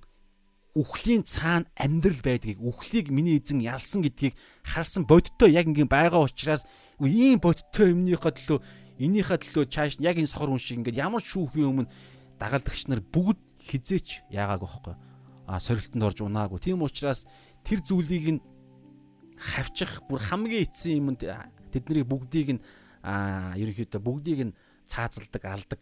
Тэгэхэд үхлийн өмнө хүртэл яах та? Петр хүртэл айжсэн 3 удаа тэр нэг зарц эмхтэйгээс болоод үгүй би танихгүй гэж байгаа. Чамайг харааг үгүй танихгүй наадаг юм чинь гэж бүр хараал хэлж байгаа Есүсийг 3 удаа үүсгэсэн Петр эцэстээ яаж өгч байгаа вэ гэхээр загалмаа цовдлогдохдоо нөгөө нэг нэмэлт түүхэн бичгүүс бичээсүүдээр байгаа байхгүй.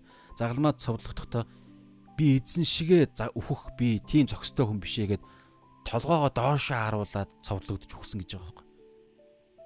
Энэ өөрчлөлт юу вэ? Яагаад ийм өөрчлөлт бий болж байгаа? Яг саяны энэ бодиттой. Би сохор байсан харцсан. Хүүх юм улаан өнгөж ийм өнгө гэдэм үү? Хүүе Хүүшээ энэ байшин чинь ийм өндөр байсан юм уу?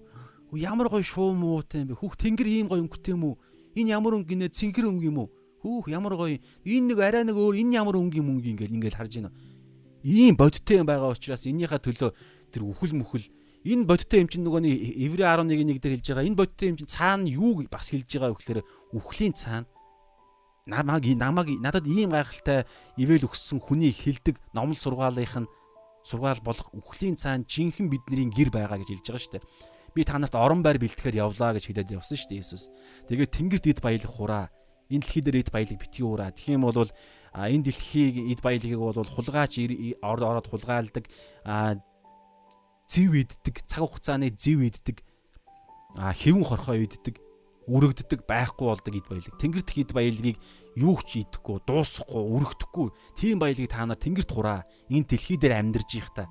Иймэрхүү ярьж байгаа асар олон энэ номлолууд чинь итгэнэ гэсэн үг. Бүр тэрүүгээрээ амьдрна гэсэн үг. Ягаад тэгэхээр нүд нь хардаг болсон. Энэ бодиттой аа тэр харагдахгүй зүйлийнх нь баталгаа нь байгаа учраас Тэгэхээр ийм гайхалтай зүйл ярьж байгаа. Тэгэхээр дагалдагч гэдэг дээр ямар ч юм бодогдсон. За тэгэнгүүтлээ тэр хүн чил түүний дагалдагч байна. Харин бид Мосегийн дагалдагчд.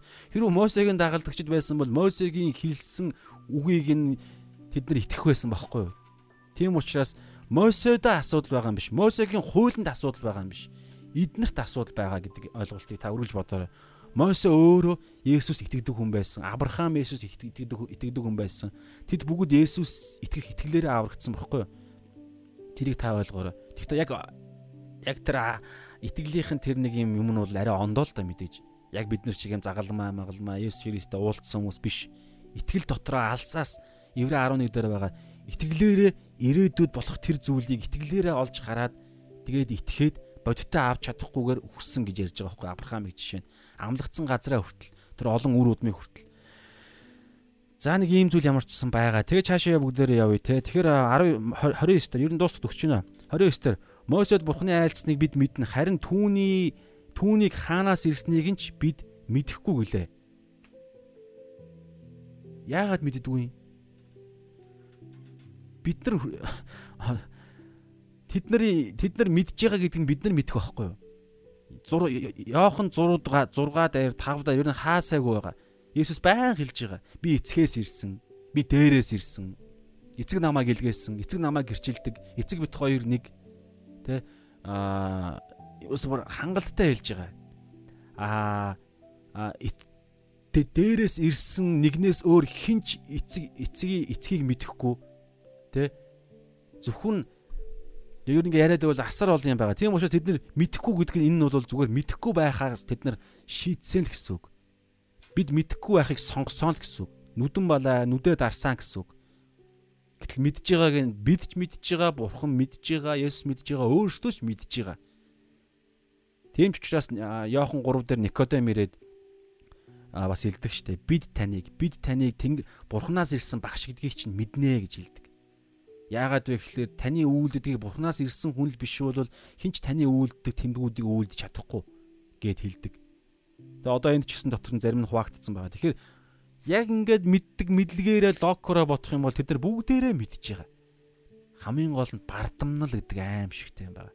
Энэ дэлхийн ертөнцийн мэрэгэн ухаан гэдэг цэцэн оюун ухаан гэдэг энэ зүйл чинь бардамналтайгаа нийлэхээр аим шигтэй том хадан зүрхийг чулуун зүрхийг бий болгож байгаа байхгүй энэ аим шигтэй за цаашаа яваа үдээр тэгээд сүүлд нэг дүгнэх юм байгаа тэгээд энэ дээр холбож яриад за 30 дээр иймэрхүү байдлаа бид мэдэхгүй Мосегийн тэгээ Мосегийн Мосед бурхны айлцыг бид мэднэ харин түүний хаанаас ирснийг ч бид мэдэхгүй гэсэн чинь 30 дээр өнөөх хүн. За одоо сонсоорой. Энэ хүний хэлсэн нэг хэдийн байгаа. Энэ маш чухал нөгөө хэд чинь ингээд мөрдлөг байцаалт нь яваад юусоо ямар ч тийм нэг юм гаргалгаа гаргаж чадахгүй байгаа даа. Чадахгүй гэхээс илүүгээр хүсэхгүй хүссэн дүгнэлтээ хийж чадахгүй нотлохоо олдохгүй байгаа гэсэн учраас тийм учраас ингээд мэдэхгүй гэдгээр ингэж бодлын антуулж ингэж дүгнэлт хийгээд яв дүгнэлт хийгээд байгаа. Гэтэл нөгөө хүн чинь маш энгийн, маш тодорхой дүгнэлт хийж надад харж байгаарай. 30-аас Тэр нүдийг минь нээсэн байтал та нар түүнийг хаанаас ирснийг нь ч мэдэхгүй байгаа нь гайхалтай юм байна. Маш энгийн. 31 Бурхан нүгэлтнүүдийг сонсдоггүй харин Бурханаас имэж хүслийг нь үйлдэгч хүнийг сонсдгийг бид мэднэ. Синагогт орж байгаагүй хүн шүү дээ. Заалгаж байгаагүй хүн. Хуваарал сурсан байх. Хуучин гэрээний маш чухал ойлголт ярьж байгаа байхгүй. 32 Одоо бүрийн дараа да 32 дээр төрөлхийн сохор хүний нүдийг нээснийг цаг хугацааны эхлэлээс хойш хинч сонсоогүй. 33 Энэ хүн Бурханаас ирээгүй юм бол тэр юу ч хийж чадахгүй байх байсан гэлээ. 34 Тэд гим нүгэлт төрсөн атлаа бидэнд заах нь чи гэд түүнийг хөөж гаргав.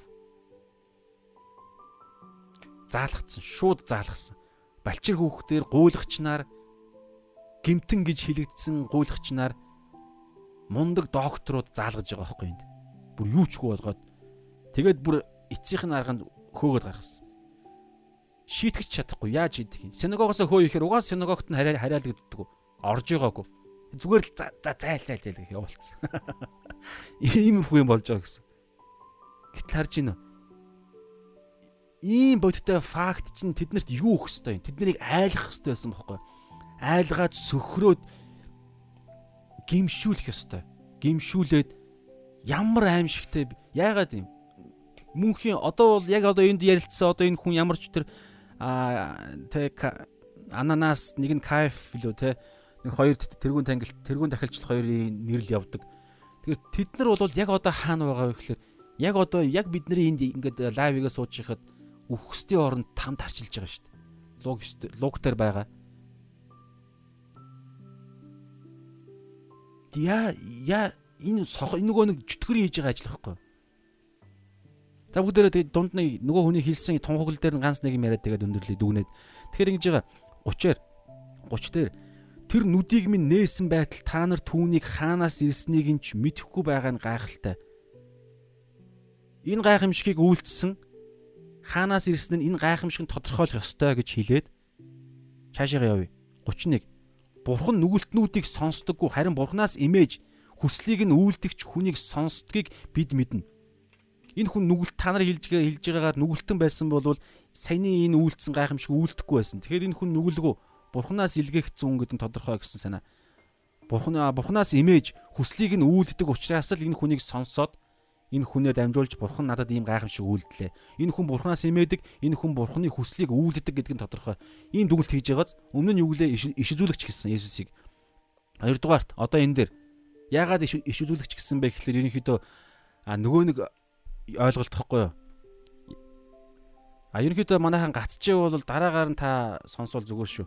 Энэ миний талд интернет жоохон асуудалтай байгаа гэдэг утгаараа эхний дээр иш үзүүлэгч гэдэг одоо энэ юун дээр байгаа штэ 17 дээр байгаа тэр бол иш үзүүлэгч хэлж байгаа энэ ойлголт бол сохор хүн хүнийг хараа оруулсан гэдэг энэ ойлголт чинь өөрөө а маш тийм урднаас иш үзүүлэгдсэн нөгөө нэг гайхалтай а иш үзүүлэгч гэдэг ойлголт байгаа байхгүй. Гэхдээ тэр иш үзүүлэгч нь өөрөө месиа гэдгийг дунд нь холбохын тулд дахиад а бусад Есүсийн зүйлүүд нь хэрэгтэй байхгүй. Тэгэхээр зөвхөн иш үзүүлэгч гэдэг мэдлэгчээ өөрөө Есүс хүнийг авралт хүргэхгүй хүргэхгүй гэхдээ эхнийхэн шатна гэдэг ойлголт. Тэгээ энэ дээр бас нэг дүгнэлт хийж байгаа нь юу гэхээр а 31 дээр ингэж штэ. Бурханаас имэж хүслийг үйлдэгч хүнийг л бурхан сонсдог.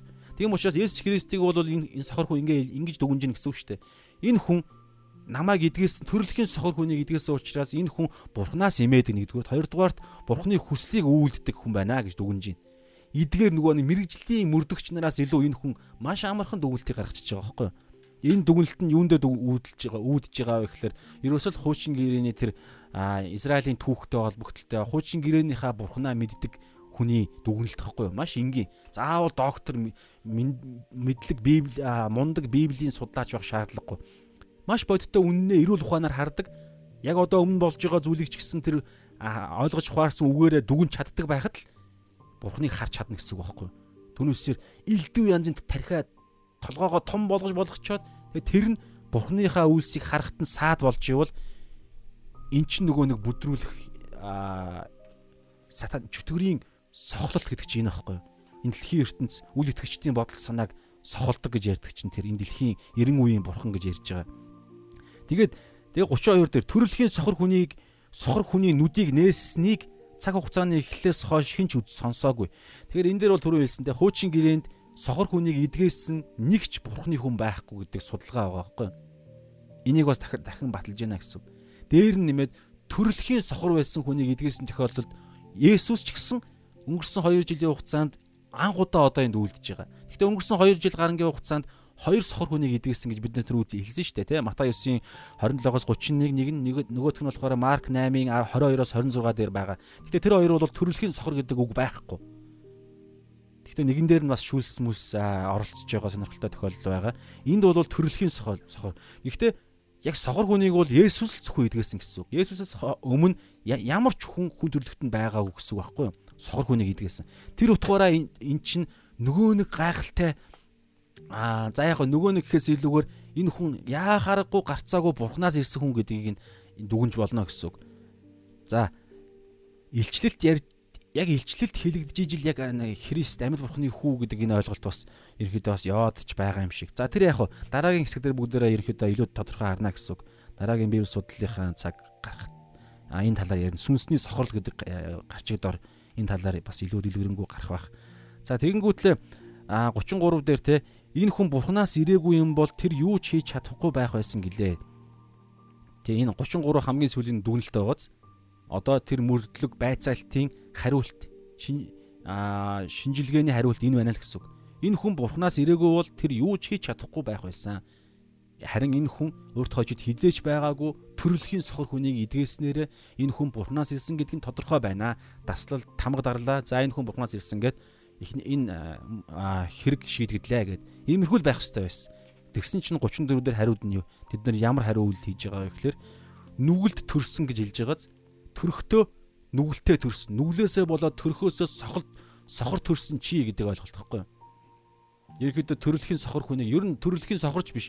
Зүгээр энгийн сохор хүнийг ч гэсэн тэд нар гим нүглээсээ тодорхой гим нүгэл хараалаас болж хүмүүсүүдийн биеийн гажиг, нүдний гажиг энэ дахир дутуу саамаа гэд гимтэй хүмүүс гэж ерөнхийдөө ойлгодог аа гимээс болж ингэдэг байсан гэдэг тийм ойлголт явдаг.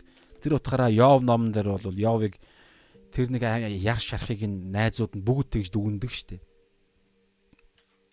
Тэр нь хүртэл бид нар бас ярилцсан те дандаа тийм байх боломжгүй. Одоо энд хүртэл өөр тохиолдол бас байна. Гэхдээ энэ хүн нүгэлтэй байсан ойлгомжтой. Тэр утгаараа энэ хүнд аврал хэрэгтэй. Тийм учраас дараагийн гарчиг дээр энэ талаар ярилцсан. За бүгдээрээ ерөнхийдөө дүгнээд өндөрлөе аа дүгнэхээс гадна би нэг зүйлийг би хуваалцах хэрэгтэй яг сануулсан л да. Юу гэхээр Йохан 6-гийн 37, 44, 65 дээр хараа өнөөдрийн болж байгаа энэ фарисеучуд хуулийн багш нарын талаар нэг үг байгаа байхгүй ойлгох жоохон хэцүү. Гэхдээ би тавиад тэгээд байдлыг харъя. Одоо жишээ нь гэж байгаа Йохан 6-гийн нэг санаа 3 удаа давтаж байгаа байхгүй бид нар үтцэн эсгэл дээр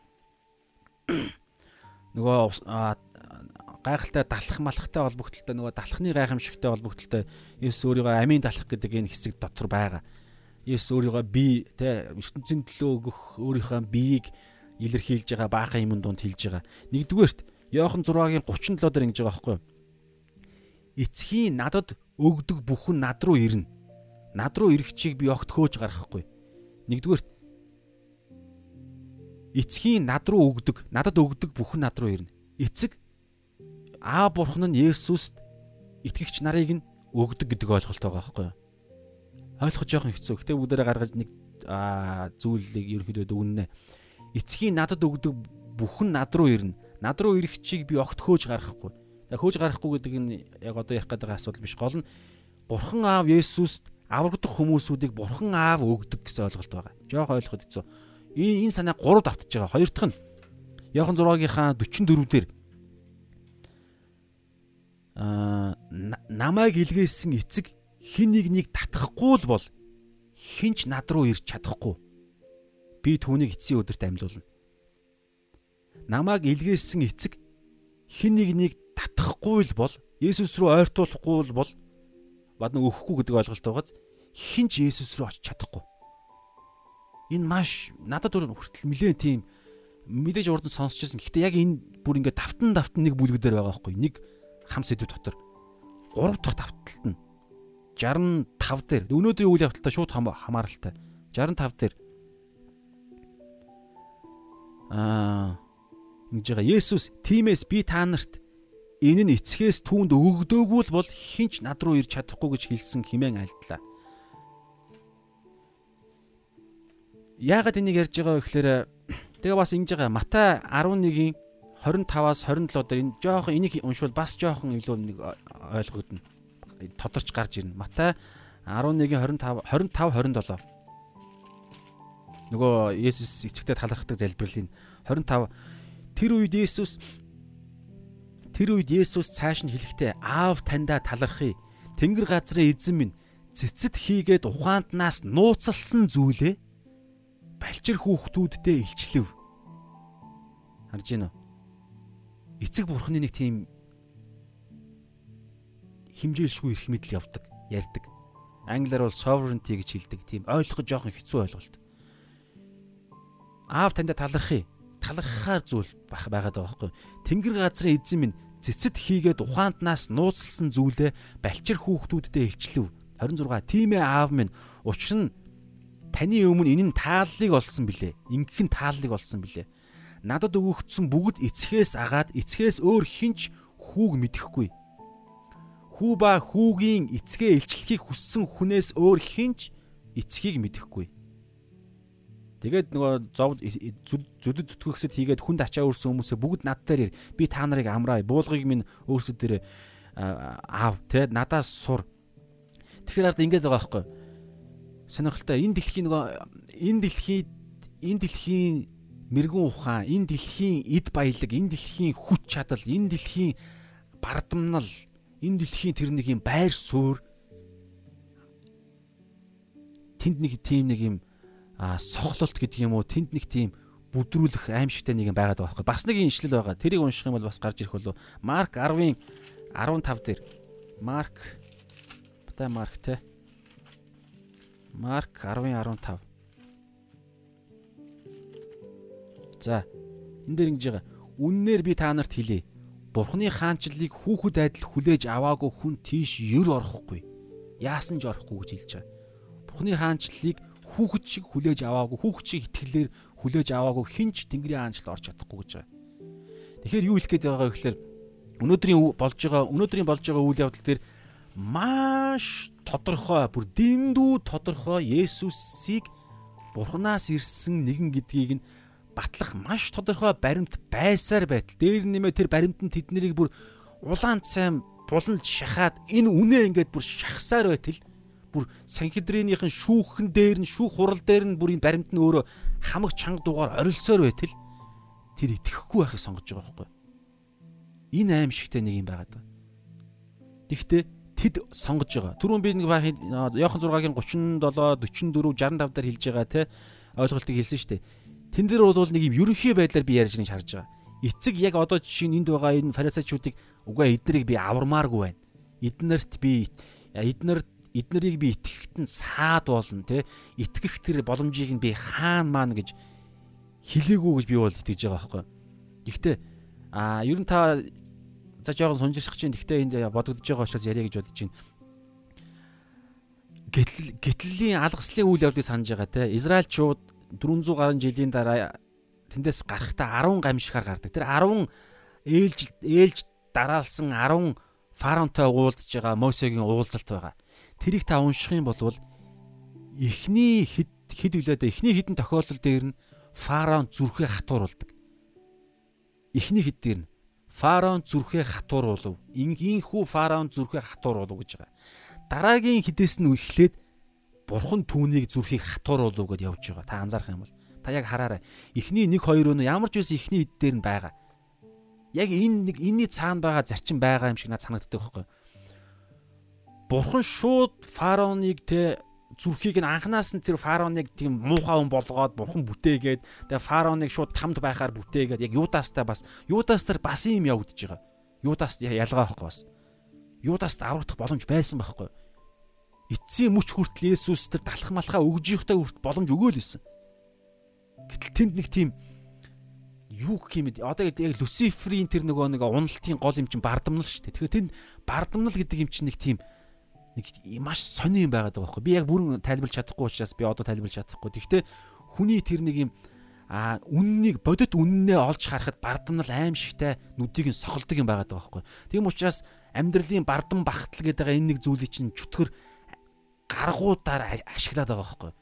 Тэгээд тэгэх үед тэр бардамнал одоо гэтээ би мэдэхгүй юм а чааш нь ярмааргүй. Ямар ч үсэн гэсэн та саяны зүйлсүүдийг та ойлгоорой.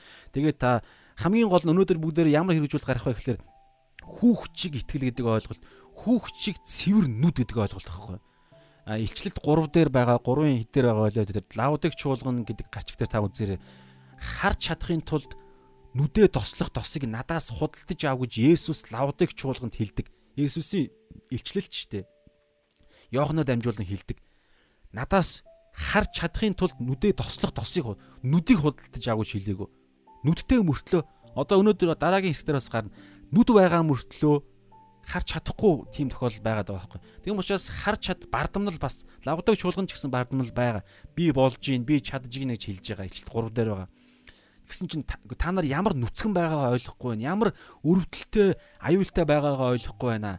Та нарын үүс чинь бүл үүс чинь гэж ярьж байгаа. Бүлээн байна. Та нар яг энэ байдлаараа байх юм бол эцсийн өдөр би та нарыг бөөлж гаргана. Тийм учраас авралын төлөө ядаж та нар бүр бүлээн байснаас хүүтэн бай гэж байгаа. Хүүтэн байх юм бол үйлс нь хүүтэн буюу бүр та нар мундаг бурхалдаг гэж яриад байна. Бид нар болж гин гэж яриад байна. Тэгснээс зүгээр үйлсээ бузар муу болгоо та нар зүгээр тэр сатаа матанаа шүтнүү ингээ цаашаага яв. Тэр нь баг илүү дээр гэж байгаа байхгүй. Яагаад тэгэхээр гимших боломж орж ирнэ гэж гимших боломжтой. Тийм учраас та нар дараагийн хэдэн ишлийн дараагаар нь гимшээд та нарын та нар халуун бай гэж хэлдэг. Гэхдээ наан нь битгий бүлээн бай. Нэг бол хүүтэн бай, нэг бол халуун бай гэж хэлж байгаа байхгүй. Хүүтэн гэж хэлж байгаа. Зорилго нь гимшилт оруулахын төлөө. Бардамнал гэдэг чинь ийм амар чуулганд хүртэл яригддаг байхгүй болж гин болж гин те би болж гин би ингэж гин тэгж гин гэж яриул. Чуулган дотор чуулганы хувьд одоо өнөөдрийн ярих гэдэг байгаа те тэр зүйл бол би аврал руу ярихгүй мэдээж гэхдээ чуулганы хувьд энэ аюул нь ямар аюул болох вэ гэхээр мэхлэгдээд аа хоёр эзэнд үйлчлэх гэдэг ойлголт руу орж ирж байгаа байхгүй. Есүсийг эзнээ болох биш мэхлэгдээд өөр нэг зүйлийг гаргаж ирээд хуурамч Есүсийг гаргаж ирээд тэрнийхээ төлөө явах. Тэгээ бүр чаашлах юм бол Еврэ 6 дээр ч гэсэн гарч ирнэ. Итгэлээсээ унаад явах гэдэг ойлголт руу хүртэл гарч ирдэг. Эцсээ хүртлээ төвч чадахгүйгээр дунд нь бууж өгөх. Тэр нь хавчлах зөвхөн ярихдаггүй байхгүй залим их яригдэн штэ. Эфес 6 дээр диаволын 6-гийн 10 дээр диаволын залим ихний эсрэг зогсохын тулд бурхны өвч зэвсгийг авж байгаа байхгүй. Тэр дунд чинь итгэл авралын дуулга энэ энэ энэ нэгж бүр нь маш чухал чухал цаана алгасар олон юм яригддаг. Авралын дуулга зүвт байдлын хуйг үнний бүс итгэлийн бамбаа амар тайвны болон сайн мэдээний гутал гэж ярьж байгаа. Тэгээд хамгийн сүүлд нь ариун сүнсний сэлэн болох бурхны үгийг барь. Тэгээ энэ бүх зүйл чинь цогц итгэгч хүний хүнийг бий болгоно.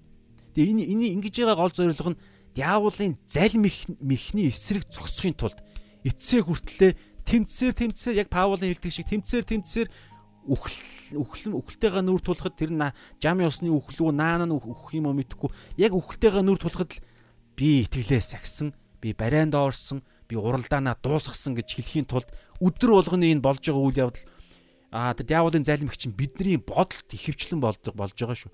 Ер нь бидний бодолд хамгийн болно. Гэхдээ тэр бидний бодол чинь дандаа яа эргэн тойрны хүн амьтны харилцаа, амьдралын зүйл мөл гэл энэ зүйл зүйлэр чинь дамжуулж бодол хоёр чинь ингэж ингэж дунд нь залим их оруулах аюултай. Тийм учраас чуулган дотор юу ярих таа гэхээр яг нэг тий чуулганы хувьд бол маш нарийн байдлаар чөтгөр орж иж чуулганыг хагаралдуулж унгааж аа дунд нь яс хайж чуулганыг аа бүр ингээд шашинлаг чуулган болохын тулд хамаг юм хийдэг байхгүй.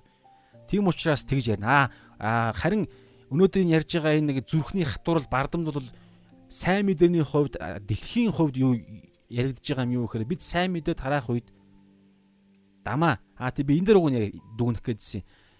Сайн мэдээ тараах үед те за гудамжинд явж байгаа хүмүүс ингээ итгэхгүйгээ тэнгууд нь за за эзэн даатахад орхидог шүү дээ. Гэхдээ бид хайртай хүмүүс гэр бүлийн дотны хүмүүстэй бид сайн мэдээ тараах үед яаж ч Библийг Библийн дагуу зөв ингээд маш зөв логиктэй нэг Петрийн тунгаглдаг шиг аа маш логиктой сайн мэдээг маш гоё ярьсан ч гэсэн итгэдэггүй байхгүй юу?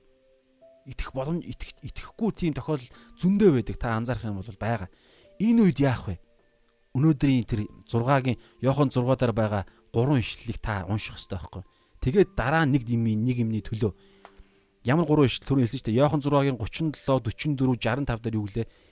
Эцэг хин нэг нэг Есүс дээр авчрах чадaltaй гэдэг байдлаар тэн дээр хэлсэн дээ. Эцгээс над руу эцгийн өгсөн бүгдийг би нэгийг ч алддаггүй гэж байна. Бас эцэг хин нэг нэг над руу татахгүй бол хинч над руу ирч чадахгүй гэж байгаа. Одоо жишээ нь миний аа таны бид бүгдийн хайртай аав ээж одоо хэн байдیں۔ Дотны хүн маань бид хичнээн гой сайн мэдээ ярьсан ч гэсэн одоо энд Есүс ярьж байгаа зү. Тэгэхээр Есүс итгэхгүй шүү дээ. Тэгэхээр бид ялгаа байхгүй. Бид бид бүр ойлгомжтой гэсэн үг. Бид ингээд амар маш гоё ингээд ярьсан ч гэсэн итгэхгүй байгаа нь юу вэ гэхээр дараагийн өөр нэг юм хэрэгтэй байхгүй. Эцгийн оролцоо. Бурхан аавын оролцоо. Тийм учраас эцэг хин нэг нэг Есүс рүү татахгүй бол хинч ирж чадахгүй гэж байгаа байхгүй. Тэр нь юу юм? Нөгөө нэг энэ дэлхийн аимшигт нөгөө хүний муухай хатуу зүр хүний энэ энэ мэрэгүү ухаан гэж яриад байгаа энэ ойлголт чинь хүнийг тийм зөвхөн тэр нэг үг яриагаар бидний нөгөө үг яриа текстээр ч юм уу үг яриа ингээд сайн мэдээг хэлэх үед итгэх боломжгүй болгоод байгаа байхгүй зарим хүмүүсүүдийг зарим нь итгэдэг зарим хүмүүсүүдийг боломжгүй. Ягаад тэгэхээр ингээд бардамнуул цэцэн мэрэгэн ухаан ингэчдэг тэр үед яах вэ гэхээр бид одоо дараагийн асуудал юу вэ? Эзнээс бурхан ааваас гуух хэрэгтэй байхгүй авран аврагдтал нь нөгөө нэг лук мук дээр мата дээр байгаа шүү дээ хоёр юу ярьж байгаа те? Ямар ч нэгэн дээр бол хаана гэдгийг март санахгүй байна юу гэхээр те? Миний нэг айхтар муухай ааштай нэг тийм өмгөөлөгч шүүгч хүнээр хүнд өөрийнхөө өмгөөлөгч жилүү те? Нэг юм шүүгч хүнд өөрийнхөө үйл те? Хэргийг та надаа миний хэргийг шүүгээд өгөөч өмгөөлөд өгөөч гэдэг юм гуух гад очисон чинь юус харгаа юу халгаадаггүй те орой болцсон байна мань чамаа яахгүй маахгүй гэд. Гэсэн нөгөө эмэгтэй чи ингээ байн очоол байгаа очоо. Есүс юм сургаал зөвлөл ярьж байгаа байхгүй. Би зарим зүйлийг өөрчилж ярьж магадгүй шүү. Тэгээ очисоор очисоор сүүлдээ нөгөө хүн чинь юу гэж хэлдэг вэ гэхээр би бурхнаас имээд ихтэй биш ээ. Би яг гоо ингэж бодолд нь байгаа юм Есүс ярьж байгаа байхгүй. Ингэж бодож байна гэд. Би бурхнаас имээд ихтэй биш. Би энэ хүний өрөвцөндөө биш. Энэ хүн намайг зовоогоод амар заяаг минь үзүүлэхгүй байгаа учраас өмгөөлж өгөөстөө гэж хэлдэг. Тэгж хэлэнгүүтлээ Есүс аа ийм хүн ингэж яхад тэнгэр дэх эцэг чинь та нарын төлөө гуйхад та нарын гуйлтанд хариулахгүй гэж юу. Тийм учраас зөвхөрлөлтгүй гуу гэж хэлдэг. Гуу гэж хэлдэг байхгүй. Гэхдээ маш чухал нэг юм наан бид мартдаг. Хувийнхаа эрх ашигын төлөө нэг хоёр эзэн гэж ярьдаг. Хуваа би би гэдэг хувийнхаа үзлийн төлөө гуйх биш. Тэнгэрийн хаанчлалын төлөө гуйвал бүр биелэх нь тодорхой. Тэр нь ямар юм? Есүс яах гэж ирсэн юм? Яг миний тэр сайн мэдээ мэдээ тараагаад тараагаад итгэхгүй байгаа тэр хүний төлөө л ирсэн шүү дээ. Тэгэхээр бид тэр хүний төлөө тасралтгүй зөвхөрлөлтгүйгүй бол тэр хүнийг эзэн нөгөө эцэг түрүүн тэр Иохан 6-гийн 37 44 65 дээр хэлсний дагуу эцэг өөрөө тэр хүнийг татах Есүс рүү чиглүүлэх боломжгүй юмыг боломжтой болгох хүч чадал нь эцэгт байгаа байхгүй юу. Тийм учраас бид нар гуйх юм бол эцэг хариулах нь тодорхой. Гэхдээ хугацаа орж магадгүй, яаж ч магадгүй. Тийм учраас бид яа эзэнд өөрт нь бүр ирэх мэдл байгаа байхгүй бид юу хариулах ёстой гэж гуйж юусаа болохгүй. Тэгвэл бас бид нар нөгөө нэг хуурамч бурхныг бүтээж байгаатай адилхан. Бид бурхнаас гуух хэрэгтэй байхгүй. Хайртай үнийг минь та авраач. Та яг тэр нөгөө нэг гуйлах тэр эмхтэй тэр нэг шүүгчээс гуйж байгаа те адилхан. Гуух албагүй шүү дээ. Бараг одоо бол бараг цагдаад барина үстэй амар тайван алдагдууллаа гэл. Гэтэл тийм юм ярьж байгаа байхгүй. Бүр гуйж байгаа. Гуугаад. Одоо юу гэдэг нь те би та намайг шүүгч яаж өгөх хэвээр өмгөөлөх хэвээр яагаад яагаад өмгөөлөх хэвээр юм би танаас бүтэн сар гуугаа үзтэй гэд. Тэгээ юу гэж? Мөнгөөр л яадаг чи ном ёсоор хууль ёсныгаа дагуул яагач гэж хэлэх байхгүй. Тэрнтэй адилхан хууль ёсны дагуу бол миний тэр аврах гээд байгаа дотны өмнө өөх хэвээр там тамлагдах хэвээр байхгүй. Тийм учраас би бид нар гуйгаад тэгээ сайн мэдээ нь бид ярьсаар байтал итгэхгүй байгаа юм чинь бүр найдваргүй болох гээд шүү дээ тийм учраас бид одоо боломжтой байгаа дээр нь бүр зүгрэлтгүй гуйх хэрэгтэй гэсэн санаа яа байгаа. Одоо энэ фарисеучуд бол яг л ийм байдалтай амар ямшигтай хатуу байдалд байгаа. За тэгээ бүгдээрээ дүгнээд өндөрлөө. А дүгүнд залбираад эзэн минь энэ цагийн төлөө талархъя. Тэгээд өнөөдрийн цагаар дамжуулан эзэн минь та бас сүнслэг ертөнцийн итгэлийн амьдралд энэ дэлхий дээрх бас маш ойлгоход хэцүү нэг үннийг эзэн бас нэг талаас нь та гаргаж ирлээ эзэн та талархъя. Тэгээд бид нэг дүгнэлтэнд хүрж байна эзэн минь а Йохан 6-гийн 37 44 65 дээр хэлсний дагуу эцэг та таал зөвхөн бид бүгдийг Есүс рүү аваатсан юм байна. Инх тайван намайг хэдэн онд байдیں۔ хэдэн жилийн өмнө энтэй адилхан та манай гэр бүлийн дотны маань тэр ах ихч дүү эмээ өвөө хайртай хань ижил хүүр хүүхэд тэр бүх найз нөхөдгөө тэр бүх хүмүүсүүдийг ч гэсэн та ямар нэгэн амьдралын нөхцөл байд зүрхэнд нь хүрд юм уу яа тийм танд боломжтой эцэг танд таал ингэж чадна эзэн. Түүнээсээр эзэн минь дээр дэлхийн ухаан, мэрэгэн цэцэн ухаан та хүмүүсүүд тэд бардамлаасаа болоод эзэн бид хичнээн ярьсан тэд итгэж чадахгүй, итгэхгүй бардамлаасаа болоод нүдэн сохорсон байдалтай байдаг лээ эзэн. Тийм учраас эзэн минь бид хайртай хүмүүсүүдийн авралын төлөө танаас гуйж байна эзэн минь. Бид мөнхийн усад мөнхөд жаргахад хайртай хүмүүс маань тамд мөнхөд тамлагдж шаналаасаа зовоосоо орилоосоо гэж бид хүсэхгүй байна эзэн минь.